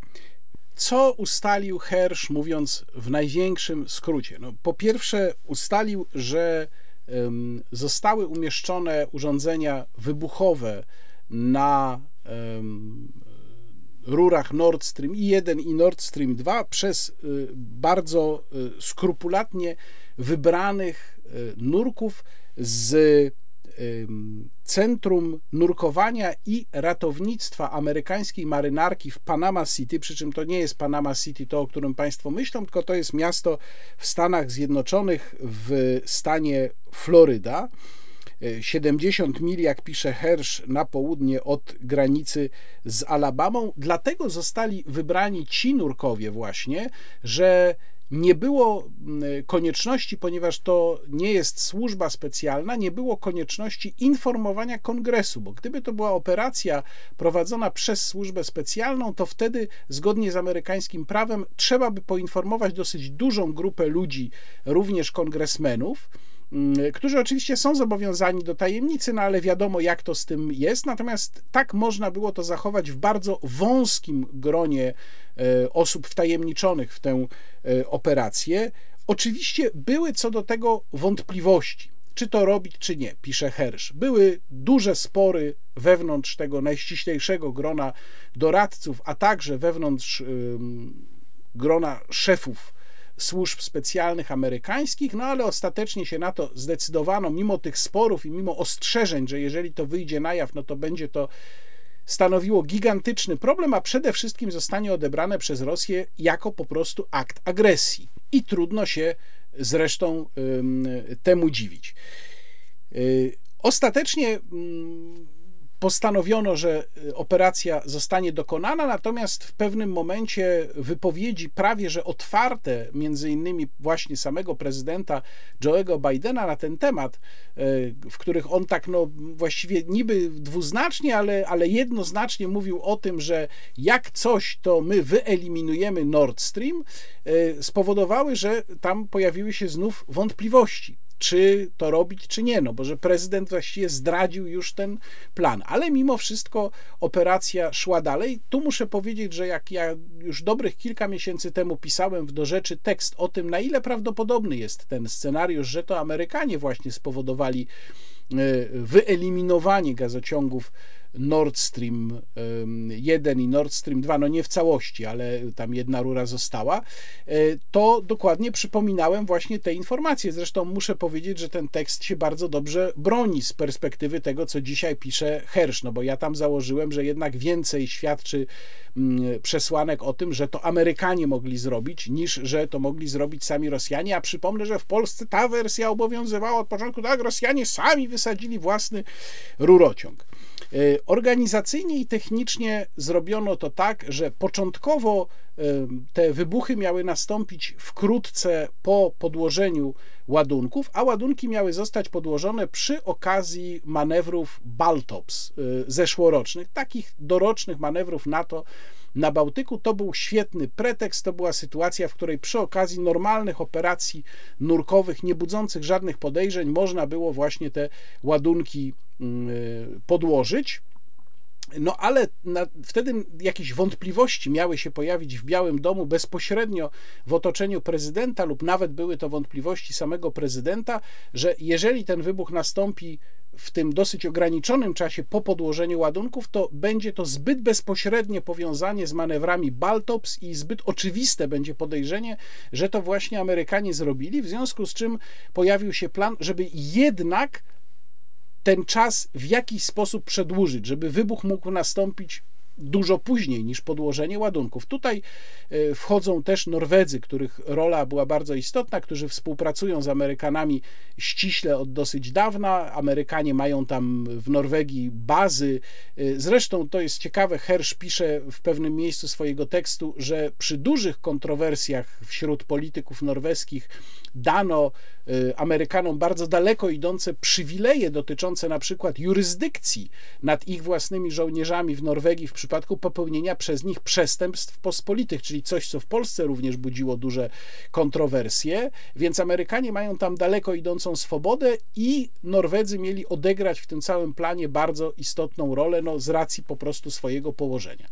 Zdecydowano się na taki wariant, że ładunki zostaną podłożone i zostaną odpalone, czy też te, te czasomierze, które po pewnym czasie mają uruchomić y, wybuch, zostaną uruchomione dopiero y, pod wpływem y, takich specjalnych dźwięków z boi dźwiękowej, takiego urządzenia. Ja tutaj oczywiście nie jestem technikiem wojskowości, dokładnie nie wiem na czym to polega. Z opisu, który Hersz umieszcza, wynika, że jest to boja, która emituje dźwięk o odpowiedniej częstotliwości, ta częstotliwość jest dobrana tak, żeby ona się nie nakładała na jakieś naturalne dźwięki albo dźwięki tła, których przecież w morzu jest dużo, mogą je wydawać nawet zwierzęta, mogą pochodzić od statków, mogą pochodzić też od okrętów podwodnych, czyli specjalnie dobrana częstotliwość dźwięku powoduje uruchomienie tych wyzwalaczy zegarowych i tak się dokładnie stało. I po kilka miesięcy po manewrach, które odbywały się, zawsze się odbywają w czerwcu, a dokładnie było to, e, przypomnę, 26 września ubiegłego roku, norweski samolot P-8 e, nadzoru morskiego, tak tutaj pisze mm, Hersz, wykonał lot, w trakcie którego zrzucił boję właśnie dźwiękową. Ta boja dźwiękowa uruchomiła wyzwalacze czasowe ładunków założonych na gazociągu. No i stało się to, co się stało. Oczywiście to, jest, to są ustalenia dziennikarza, ale poważnego dziennikarza. Tych ustaleń, jak do tej pory, nikt jakoś. Yy, yy, bardziej przekonująco nie podważył. Oczywiście Hersz, jak to rasowy dziennikarz, wykonał swoją pracę, to znaczy skierował pytania w różne miejsca, przede wszystkim do, do Pentagonu, do CIA, do Białego Domu. Oczywiście wszyscy zaprzeczyli, no ale przecież to jest zupełnie jasne, że w takiej sytuacji się zaprzecza. Przecież nie powiedzą, tak, to myśmy zbombardowali rosyjsko-niemiecki gazociąg. Y, natomiast jest to tekst bardzo przekonujący, pełen szczegółów. Y, linkuję go Państwu w opisie filmu. Polecam lekturę. I wniosek ja bym z tego wyciągnął taki to, że Nord Stream y, w zasadzie stał się dysfunkcjonalny, to jest dla Polski w gruncie rzeczy korzystne.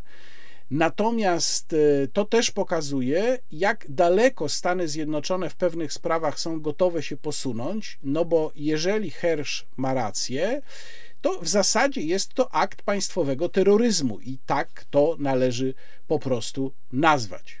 Jak już Rosjanie będą tutaj na kolanach przychodzili po to, żeby podpisać pokój.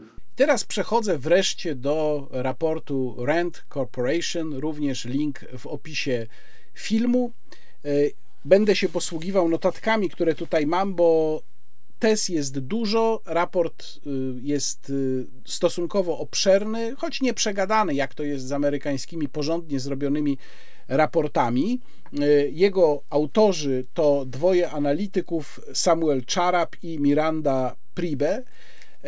I Trzeba tu podkreślić, że oni sami to zresztą piszą, że jest to raport pisany z punktu widzenia tego, co jest w amerykańskim interesie i że ten interes niekoniecznie musi być zgodny z interesem ukraińskim. Ja myślę, że my też powinniśmy przyjąć taki punkt widzenia. Ja zresztą próbuję go propagować od samego początku, od 20 4 lutego ubiegłego roku, no ale nasz błąd polega na tym, że myśmy, a w każdym razie duża część klasy politycznej utożsamiła całkowicie interes Polski z interesem ukraińskim.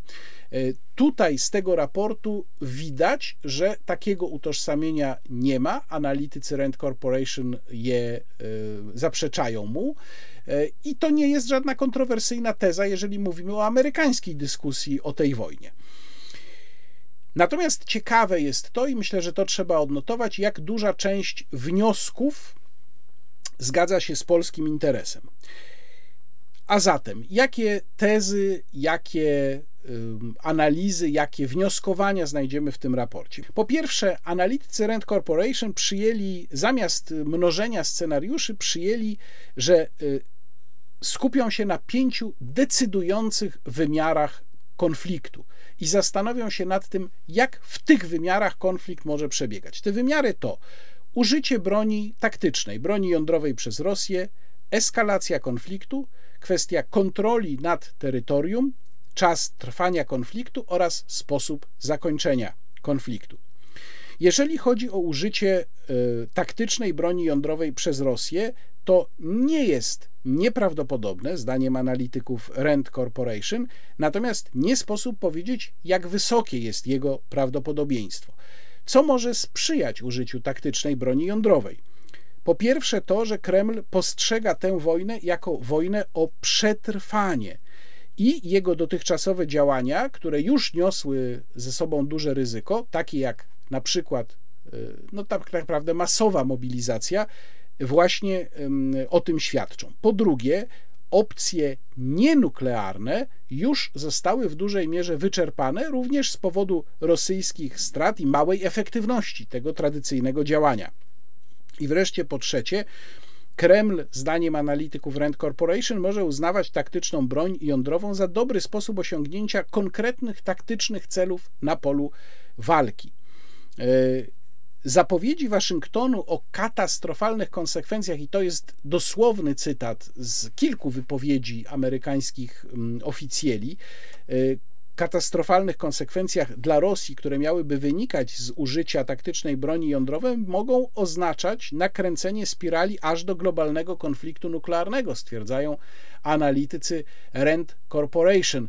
No bo to jest pytanie, co znaczą te katastrofalne konsekwencje. Natomiast użycie przez Rosję taktycznej broni jądrowej przełamywałoby tabu. O tym się mówi zresztą od dawna, że to by było takie przełamanie tabu, e, bardzo niebezpieczne dla przyszłego porządku świata i pokazywałoby tym krajom, które mają broń jądrową, a nie należą do grupy państw zachodnich, no na przykład weźmy Pakistan chociażby, że użycie broni jądrowej może się opłacać. Dlatego Waszyngton ma powody, żeby jednym z priorytetów było zapobieżenie e, użyciu taktycznej broni jądrowej. Proszę ten priorytet zapamiętać, bo on za chwilę będzie miał mm, istotne znaczenie. Drugi wątek. Ryzyko eskalacji i uderzenia Rosji na kraj NATO rośnie wraz z przedłużaniem się wojny. Możliwe powody takiego uderzenia i takiej eskalacji to po pierwsze, oczywiście powody, które Rosja może widzieć. To po pierwsze, ukaranie krajów NATO za dotychczasową pomoc Ukrainie i wymuszenie zaprzestania tej pomocy. Po drugie, uderzenie wyprzedzające, jeśli Rosja uzna, że bezpośrednie wmieszanie się NATO w konflikt jest nieuchronne. Po trzecie, przeszkodzenie napływowi uzbrojenia i pomocy na Ukrainę. No i tutaj y, przypomnę tylko przemyśl, y, drogi zaopatrzenia idące z Polski. My jesteśmy pod tym względem narażeni w pierwszej kolejności. I po czwarte, uderzenie w odwecie za sprzyjanie wewnętrznym niepokojom w Rosji. Możliwe jest także, piszą analitycy RENT, przypadkowe wymknięcie się konfliktu spod kontroli.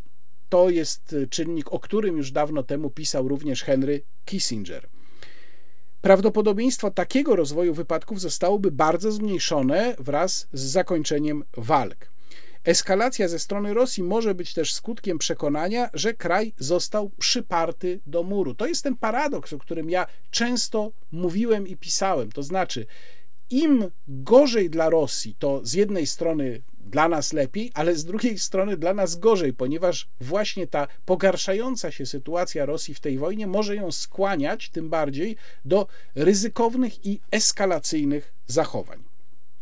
Kolejny bardzo ważny i kluczowy czynnik, również w kontekście wszystkiego, co właściwie prawie wszystkiego, co wcześniej powiedziałem w tym wideoblogu, kwestia kontroli terytorium. Po pierwsze, piszą analitycy, Stanom Zjednoczonym opłaca się pokazanie, że wojna się nie opłaca agresorowi. No i tutaj rzecz jasna, kontrola terytorium Ukrainy ma znaczenie, ale zauważają, to jest bardzo interesujące nie ma różnicy z punktu widzenia prawa międzynarodowego i integralności Ukrainy, czy Rosja wycofałaby się do linii sprzed 24 lutego, czy też zachowała zdobycze z grudnia, z momentu, kiedy ten raport powstawał, bo tak czy owak kontrolowałaby część terytorium Ukrainy, czyli tak czy owak pogwałcałaby prawo międzynarodowe i prawo integralności suwerennego państwa. A ma to znaczenie dlatego, że, jak piszą y, słusznie analitycy Rand Corporation, odzyskanie całości terytorium przez Ukrainę pozostaje skrajnie nieprawdopodobne. Czyli y, z punktu widzenia tej opłacalności wywołania wojny, pozostawienie jakiejkolwiek części terytorium ukraińskiego w rękach rosyjskich nie ma znaczenia, nie ma różnicy, a odzyskanie całości jest nieprawdopodobne. Czyli jeżeli będziemy mówić o tym, ile Rosjanie sobie mogą zostawić, to argument o tym, że nie można im pozwolić na to, bo wtedy będzie naruszona integralność terytorialna suwerennego państwa, nie ma tak naprawdę znaczenia. On by miał znaczenie tylko wtedy, gdyby prawdopodobne było kompletne wyparcie Rosji ze wszystkich terytoriów ukraińskich, a to jest nieprawdopodobne. Jakiekolwiek zachowane przez Rosję zdobycze i tak oficjalnie byłyby uznawane przez Stany Zjednoczone za nielegalne, natomiast mm, ich zakres wpływałby oczywiście na sytuację państwa ukraińskiego, a więc również zapotrzebowanie na zewnętrzną pomoc. Natomiast bardzo interesująca diagnoza Większy zakres odzyskanych terytoriów wcale nie musi się przełożyć, zdaniem Rent Corporation, na lepszą sytuację ekonomiczną kraju, czy większe bezpieczeństwo. Może być nawet przeciwnie. No, odzyskane terytoria będą w dramatycznym stanie. To jest pierwsza kwestia. Druga kwestia będzie dodatkowe terytorium do ewentualnej obrony. Y, sytuacja z grudnia 2022 roku natomiast, to jest ważna sprawa, nie pozbawia Ukrainy kontroli nad kluczowymi dla, niej terytoriami, y, Między innymi mówimy tutaj o dostępie do dróg morskich. To jest najważniejsza dla Ukrainy kwestia. Natomiast upieranie się przy odzyskiwaniu terytorium w całości zwiększa ryzyka związane z przeciąganiem się wojny, czyli te dwa ryzyka, o których wcześniej była mowa, czyli ryzyko użycia taktycznej broni jądrowej i ryzyko eskalacji konfliktu. A już ogromnie zwiększałaby to próba odzyskania Krymu i terytoriów zajmowanych przez, przed 24 lutego. I teraz ostatni, y, przedostatni czynnik, czyli czas trwania. Przeciąganie się wojny będzie zajmować rosyjskie wojsko, więc to jest dla Stanów Zjednoczonych, zdaniem Rand Corporation, korzystne.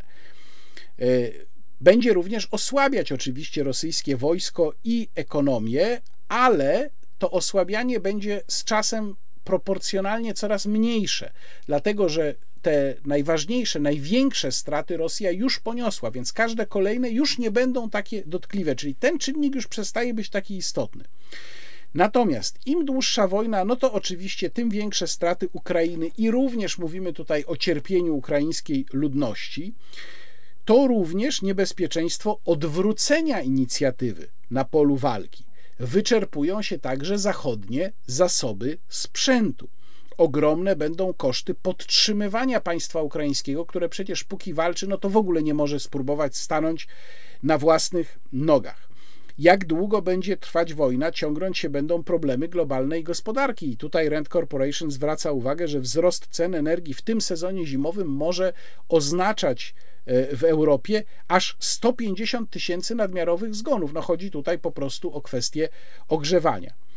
Y, długa wojna angażuje uwagę i środki Stanów Zjednoczonych, nie pozwalając skupić się na rywalizacji z Chinami. Rosja nie może się stać, dopóki trwa ten konflikt, partnerem w żadnych globalnych wyzwaniach, a są takie, wskazują y, analitycy Rent Corporation, w których jednak z Rosją należałoby działać. Stany Zjednoczone miałyby wspólnie działać. Na przykład kwestia y, układu START al przedłużenia układu START, albo kwestia y, proliferacji broni jądrowej. USA y, nie mają też interesu w zbyt głębokim podporządkowaniu Rosji Chinom, bo to będzie im pomagać Chinom w starciu ze Stanami Zjednoczonymi. A to podporządkowanie Rosji Pekinowi będzie się pogłębiać przecież w miarę trwania konfliktu. Im dłużej trwa wojna, tym większe jest prawdopodobieństwo eskalacji, o tym już mówiłem. No i konkluzja analityków Rent Corporation jest taka, że koszty przedłużającej się wojny dalece przewyższają ewentualne korzyści z jej przedłużania się. No to teraz ostatni czynnik, czyli warianty zakończenia wojny. Bardzo ważny rozdział w tym raporcie, ponieważ on pokazuje, jak trzeba o tym finale myśleć zupełnie inaczej niż to, co wygaduje pan prezydent Andrzej Duda, czy jego urzędnicy, czy wojenni różni podżegacze, czy członkowie partii wojny z Warsaw Enterprise Institute. Mamy tutaj generalnie rzecz biorąc trzy warianty. Pierwszy wariant, o którym właśnie mówią te kręgi, o którym przed chwilą powiedziałem, to jest zwycięstwo totalne. Oni oczywiście mówią o zwycięstwie totalnym Ukrainy. Ze strony Rosji, piszą analitycy Rent Corporation, to już chyba nie jest planem i jest mało prawdopodobne. Mówimy o zdominowaniu całej Ukrainy, wymianie ukraińskiego rządu, to co na początku było najpewniej rosyjskim planem. Ale podobnie mało prawdopodobne jest takie zwycięstwo Ukrainy, która zresztą nigdy takiego celu nie deklarowała, jeżeli weźmiemy pod uwagę taką podręcznikową definicję totalnego zwycięstwa, bo nawet odzyskanie Krymu nie byłoby takim podręcznikowym, totalnym zwycięstwem, dlatego że takie totalne zwycięstwo, czyli takie jak na przykład odniósł Zachód nad Niemcami w 1945 roku, musiałoby oznaczać likwidację zdolności pokonanej strony do podjęcia jakichkolwiek agresywnych działań w przewidywalnej przyszłości. No to by musiało, krótko mówiąc, oznaczać, że wybucha trzecia wojna światowa i ona się kończy na Kremlu. Oczywiście rzecz i niepożądana skrajnie i mało prawdopodobna no to skoro nie możemy mówić o zwycięstwie totalnym, to musimy mówić o którymś z dwóch pozostałych wariantów, i tu mamy dwa: rozejm albo polityczne porozumienie. Rozejm to jest układ, który zawiera mechanizmy y, monitorowania i kontroli. To znaczy, niektóre z rozejmów zawierają. Tak na przykład jest z rozejmem pomiędzy dwoma Koreami z 1953 roku i jak stwierdzają analitycy Rent Corporation, tego typu rozejmy zawierające takie mechanizmy są trwalsze. Czyli tutaj też dobrze by było, gdyby taki mechanizm był. Zawieszenie broni oznaczałoby zaprzestanie ataków z obu stron, ale oznaczałoby, że trwa spór terytorialny czy spór o e, reparacje. No i linia rozejmu byłaby prawdopodobnie dosyć mocno zmilitaryzowana, to znów podobnie jak to wygląda w przypadku mm, dwóch Korei. I wreszcie jest możliwy układ polityczny. No i tutaj wchodzimy w najciekawsze rozważania. Dla Rosji, to bardzo mocno analitycy Rent Corporation podkreślają, cały czas najprawdopodobniej warunkiem byłaby neutralność Ukrainy. Ale uwaga, neutralność trzeba by jakoś pogodzić z tym, czego Ukraina oczekuje. A Ukraina oczekuje, mm, że będzie miała w miarę wysoką pewność, która może być wyłącznie wynikiem zachodnich gwarancji, że Rosja nie powtórzy swojego ataku. Czyli to musiałyby być poniekąd, wydaje się, pozornie sprzeczne czynniki, czyli z jednej strony neutralność Ukrainy, z drugiej strony pewnego rodzaju gwarancję Zachodu dla Ukrainy. W przypadku zawarcia takiego politycznego układu, to też warto podkreślić, jest to, że on uwzględnia, że w pewnych sprawach strony się nie zgadzają, czyli godzą się politycznie na pewne rzeczy, ale co do pewnych spraw odkładają je na bok i stwierdzają, tutaj zgadzamy się, że nie będziemy się ze sobą zgadzać. Najprawdopodobniej, y, stwierdzają analitycy Rent Corporation, rozwiązanie konfliktu z Rosją będzie jakąś mieszanką tych dwóch wariantów, bo no wiadomo, w rzeczywistości prawdziwej czyste takie warianty występują rzadko, czyli pewnie będzie to mieszanka rozejmu z układem politycznym, natomiast w tej chwili zakończenie konfliktu wydaje się mało prawdopodobne. Dla interesów Stanów Zjednoczonych korzystniejszy byłby układ polityczny niż rozejm, ale taki układ polityczny w czystej postaci jest znacznie mniej prawdopodobny ze względu na wysoki poziom wrogości obu stron. Natomiast USA powinny skupić się przede wszystkim na uniknięciu dwóch wcześniej opisanych trajektorii użycia taktycznej broni jądrowej i eskalacji prowadzącej do wojny NATO z Rosją. I tu właśnie podkreślam, że w tym punkcie interesy amerykańskie, tak jak je widzi Rand Corporation, są absolutnie zgodne z polskim interesem. To jest dokładnie właśnie to, czego my powinniśmy również unikać. A jeżeli analitycy Rand Corporation stwierdzają, że temu miałoby służyć możliwie szybkie zawarcie pokoju, to to również jest w polskim interesie i ja przecież dokładnie to właśnie mówię od wielu miesięcy. Czyli te dwie rzeczy są na pierwszym miejscu, jeżeli chodzi o to, czego Stany Zjednoczone powinny unikać, i zaraz na trzecim miejscu jest kwestia długości trwania konfliktu, oby był on jak najkrótszy. To są rzeczy ze sobą powiązane, natomiast kwestia zdobyczy terytorialnych, czyli tego, co Ukraina może odzyskać, zdaniem analityków Rand Corporation jest na dalszym miejscu. No to tu muszę powiedzieć, że jeżeli by tak widzieć amerykański interes, to on w dużej mierze rzeczywiście byłby zgodny z interesem e, Rzeczypospolitej, przynajmniej takim, tak jak ja go widzę.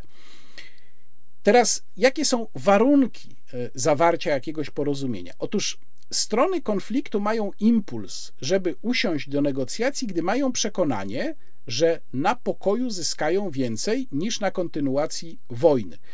I tutaj jest mowa o takim paradoksie informacyjnym. To znaczy, dopiero w warunkach realnej wojny obie strony sprawdzają, jakie rzeczywiście mają możliwości. I teraz jeżeli jedna ze stron dochodzi do wniosku, że te możliwości jej się zmniejszają, a więc zyska mniej na kontynuowaniu walk, to obniża swoje oczekiwania i tutaj pojawia się okno możliwości do zawarcia pokoju. Ale to się dzieje w sytuacji, jeżeli potencjały obu stron są w pewien sposób stałe. Natomiast tu mamy niewiadomą, poważną niewiadomą w postaci zachodniej pomocy dla Ukrainy, która może się zwiększyć, może się również zmniejszyć. Ukraina przyjmuje cały czas optymistyczny wariant i w związku z tym obie strony na razie są przekonane, że na kontynuacji walk mogą zyskać. To jest ten czynnik, który powoduje, że nie ma już w tej chwili impulsu, żeby usiąść do stołu negocjacji. Ukraina swój optymizm oczywiście zasadza na przekonaniu o tym, że zachodniej pomocy będzie więcej. Y, dużą rolę w tej niechęci do zawarcia pokoju odgrywa również pesymizm dotyczący korzyści z zawarcia pokoju. Czyli po pierwsze, jedna ze stron ma przekonanie, że druga strona nie zamierza dotrzymać warunków, nabierze siły i podejmie wrogie akcje w przyszłości, przy czym to również dotyczy spojrzenia Rosji na Ukrainę, nie tylko spojrzenia Ukrainy na Rosję. E, Rosja po prostu nie wierzy w trwałość ukraińskiego zobowiązania, ewentualnego zobowiązania do neutralności. Rosję zniechęca także przekonanie, to jest bardzo interesujący wątek raportu Rand Corporation, że sankcje zachodnie nie ustaną wraz z ustaniem walk, no bo to jest ten czynnik, który mógłby Rosję zachęcić, żeby usiąść do stołu. E, sankcje, które są dla Rosji dotkliwe w jakimś tam zakresie, choć jak ja wielokrotnie podkreślałem, nie prowadzą do zakończenia działań wojennych. Rosja ma duże zapasy, o tym mówiłem w poprzednich wideoblogach, natomiast są w pewien sposób dotkliwe. Oczywiście są też dotkliwe dla rosyjskiej elity, więc jeżeli tutaj nie ma tej marchewki, to znaczy jak usiądziecie do stołu i zaczniecie negocjować, to my zaczniemy zdejmować sankcje, to Rosja też nie widzi powodu, żeby do tego stołu mm, y, siadać. Szczególnie, że sankcje, jak podkreślają analitycy Rand Corporation, y, na razie są przedstawiane cały czas jako czynnik, który ma Rosję ukarać za agresję, a nie jako impuls ewentualny do tego, żeby Rosja siadła i zaczęła negocjować. Jakie mogą być sposoby na osiągnięcie pokoju? Po pierwsze, klarowna ścieżka wojskowej pomocy dla Ukrainy, tak aby wzmocnić jej poczucie bezpieczeństwa w razie zakończenia wojny. Bardzo interesujący znów wątek raportu Rand Corporation. Analitycy wręcz piszą, że można by uzależnić przyszłą pomoc wojskową dla Ukrainy od jej gotowości do kompromisu i do negocjacji w tej chwili. Oczywiście można by tutaj zawrzeć y, obietnicę znaczącego zwiększenia tej pomocy po osiągnięciu y, jakiegoś rezultatu można by przedstawić Kijowowi propozycję gwarancji. Jakie te gwarancje miałyby dokładnie być? Właściwie musiałby to być warunek niezbędny. To jest oczywiście do dyskusji. Z kolei jest taka koncepcja, znów bardzo interesująca, która się w tym raporcie pojawia, że Rosja mogłaby być współgwarantem bezpieczeństwa Ukrainy przy jednoczesnych, oczywiście mocnych gwarancjach zachodnich, opartych na przykład na tej wzmocnionej pomocy wojskowej, ale w ramach takiego układu wszystkich y, stron zaangażowanych w ten czy inny sposób w ten konflikt. Natomiast bardzo trudne, to przyznają analitycy Rand Corporation, byłoby jednocześnie, jednoczesne zapewnienie przekonującej neutralności Ukrainy, którą jakoś by też trzeba mm, wpisać w traktat północnoatlantycki. No bo teoretycznie on jest otwarty dla wszystkich krajów przy zgodzie wszystkich innych krajów, ale Rosja pewnie chciałaby tutaj mieć gwarancję na piśmie, że akurat Ukraina do NATO nie będzie mogła być przyjęta. Więc to by jakoś trzeba w tym wariancie zrobić i jednocześnie zapewnić Ukrainę, że ona będzie miała wystarczającą pomoc z Zachodu, żeby odstraszyć ewentualną rosyjską mm, y, agresję. Konkluzja analityków y, Rand Corporation jest taka, że kontrola nad terytorium jest najważniejsza dla Ukrainy, ale nie może być najważniejsza dla Stanów Zjednoczonych. I to powinna być konkluzja również przyświecająca polskim politykom. Po prostu kontrola nad ukraińskim terytorium nie może być dla nas priorytetem, bo to nie jest polskie terytorium. Dla nas priorytetem powinno być zminimalizowanie ryzyk dla Polski, a te ryzyka są bardzo podobne do tych, o których piszą analitycy Rand Corporation. Więc jeśli Państwo swobodnie czytają po angielsku, bardzo polecam ten raport. On y, pokazuje y, precyzję, logikę i klarowność myślenia o sytuacji taktycznej, ale także strategicznej na Ukrainie. No i przede wszystkim jest y, no, naprawdę o, o, o, niebo wyżej niż to, co my w większości mm, dostajemy tutaj w Polsce. Dostajemy to, czego fragment jest przerywnikiem w tym wideoblogu, a y, całość, znaczy wycinek pewien, ale szerszy chciałbym teraz Państwu pokazać. Powiedziałem kiedyś, nie tak dawno, do prezydenta Wołodymira Zełańskiego, mówię, Wołodymir, patrząc na naszą historię, na to, jak kiedyś te drogi się rozeszły. Ja Cię bardzo proszę, jak już pokonacie Rosję, jak już Rosjanie będą tutaj na kolanach przychodzili po to, żeby podpisać pokój, to weź zaciągnij ich do Perejasławia. Niech tam podpiszą pokój z Wami, niech przekreślą tym samym wszystkie tamte lata wpływów sowieckich, rosyjskich i tej niewoli od czasów caratu aż do aż do niedawna, przed którą w tej chwili znowu się bronicie. No to są właśnie takie fantazje, którymi my żyjemy. Tutaj oczywiście nawiązanie do ugody perejesławskiej z 1654 roku. Pan prezydent zrobił, nie wiem, może to miał być dowcip, no ale zabrzmiało to jak jakieś rzeczywiście nieprawdopodobne fantasmagorie. Jak już Rosjanie będą tutaj na kolanach przychodzili po to, żeby podpisać pokój. I ostatnia sprawa, o której chcę Państwu powiedzieć, już może luźniej związana z tematem głównym dzisiejszego wideoblogu, ale jakoś tam jednak związana, bo mowa o e, demagogu, demagog.pl, czyli moje ulubiony, mój ulubiony organ quasi cenzury, tego systemu cenzury takiej nieoficjalnej, na który się składa właśnie i prawo telekomunikacyjne, i pan Stanisław Żaryn, i demagog.pl. No jak się temu wszystkiemu przyjrzeć, to rzeczywiście mamy mm, coś, co jest de facto cenzurą, miękką, bo nie taką prawdziwą cenzurą jak ta z myśli, ale jednak służy wypychaniu pewnych e, poglądów z przestrzeni publicznej i z debaty. No i e, ja przyjrzałem się temu, na jakich grantach pracuje demagog.pl, czy będzie pracował w najbliższej przyszłości, i to naprawdę jest bardzo interesujące. E, i też pokazuje, jak bardzo opłacalna jest ta działalność. Czyli mamy na przykład tak. Do, od stycznia 2023 roku do lutego 2026 roku e, mamy e, grant na 104 tysiące euro. I teraz czytam, na co to jest. Rozprzestrzenianie się fake newsów, dezinformacji w mediach społecznościowych wpływa na społeczeństwo w wymiarze indywidualnym i zbiorowym. Dezinformacja, definiowana jako celowe rozpowszechnianie błędnych informacji, w rzeczywistości szerzy się znacznie szybciej niż człowiek jest w stanie ją monitorować i analizować. Biedni analitycy demagoga już nie dają rady. W tym kontekście, w ramach finansowanego przez Unię Europejską projektu AI for Trust zostanie opracowany hybrydowy system oparty na współpracy maszyny z człowiekiem. To jakiś Robokop chyba powstanie. Oraz zaawansowanych rozwiązaniach opartych na sztucznej inteligencji. Stanowić będzie to wsparcie dla pracowników mediów i decydentów w walce z dezinformacją. System ten umożliwi monitorowanie niemal w czasie rzeczywistym licznych internetowych platform społecznościowych. Będzie filtrował szum społeczny i analizował treści multimedialne i wielojęzyczne za pomocą nowatorskich algorytmów sztucznej inteligencji.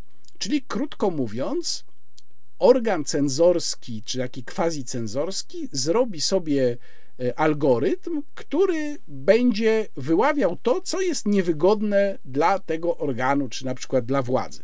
Świetny grant 104 tysiące euro.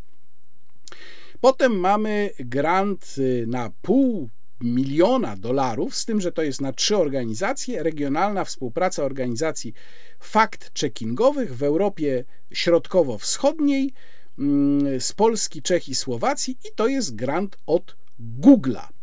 E, teraz mamy następny grant. To jest 396 tysięcy euro, przy czym dla demagoga 102 tysiące euro. E, I to jest program Fake No More. To taka gra słów, że tam no jako no, czyli wiedzieć, i no jako, jako nie.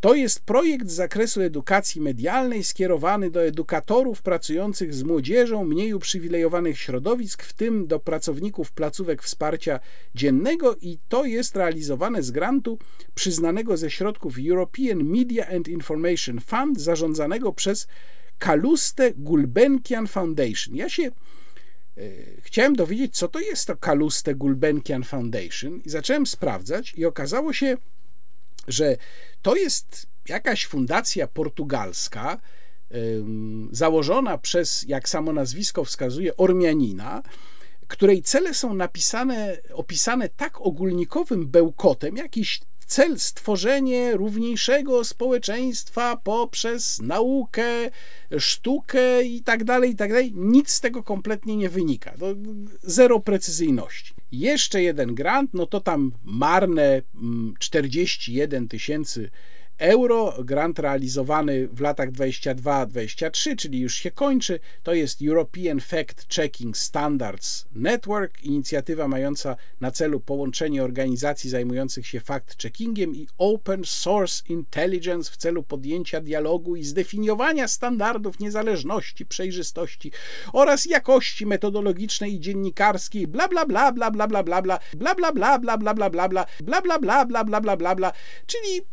nie wiadomo o co chodzi, ale 41 tysięcy euro wpada i teraz najlepsze, czyli 80 tysięcy dolarów od, proszę Państwa, Climate Misinformation Grant Program. I ten y, program, w tym programie bierze też udział portal Crazy Nauka, polski portal i uwaga, grupa Defense 24 czyli tam, gdzie Hałababa pracuje. Tak. To jest właśnie taki grant Climate Misinformation Program i teraz to jest tak. Projekt Climate Factbot, czyli an educational chatbot, klimatyczny chatbot edukacyjny. W ramach projektu powstanie chatbot edukacyjny, oraz największa baza danych agregująca informacje z zakresu zmian klimatu w Polsce, stworzona przez ekspertów i dziennikarzy działających na rzecz przeciwdziałania dezinformacji klimatycznej. Projekt ma na celu ograniczanie fałszywych informacji dotyczących zmian klimatu oraz prowadzenie działań edukacyjnych z wykorzystaniem innowacyjnych narzędzi. 80 tysięcy dolarów. Hałabała już tam zaciera rączki, a ja się dziwiłem, dlaczego demagog nie zajął się mitem o 99% konsensusie dotyczącym powodowanego przez człowieka globalnego ocieplenia. No to już mam odpowiedź, dlaczego się nie zajął. 80 tysięcy dolarów. Bardzo Państwu dziękuję za dzisiaj. Przypominam o innych elementach na kanale, czyli podwójny kontekst, czyli rozmowa niekontrolowana, czyli Konstytucja Wolności, do której szczególnie oglądania zapraszam. Dziękuję za wszystkie obejrzenia, polubienia, za wszystkie komentarze i przede wszystkim bardzo serdecznie dziękuję mecenasom, bez których by po prostu tego kanału nie było. Przypominam o wsparciu tutaj poprzez mechanizm YouTube, a także na portalu Zrzutka, adres do zrzutki, rzecz jasna na początku opisu filmu.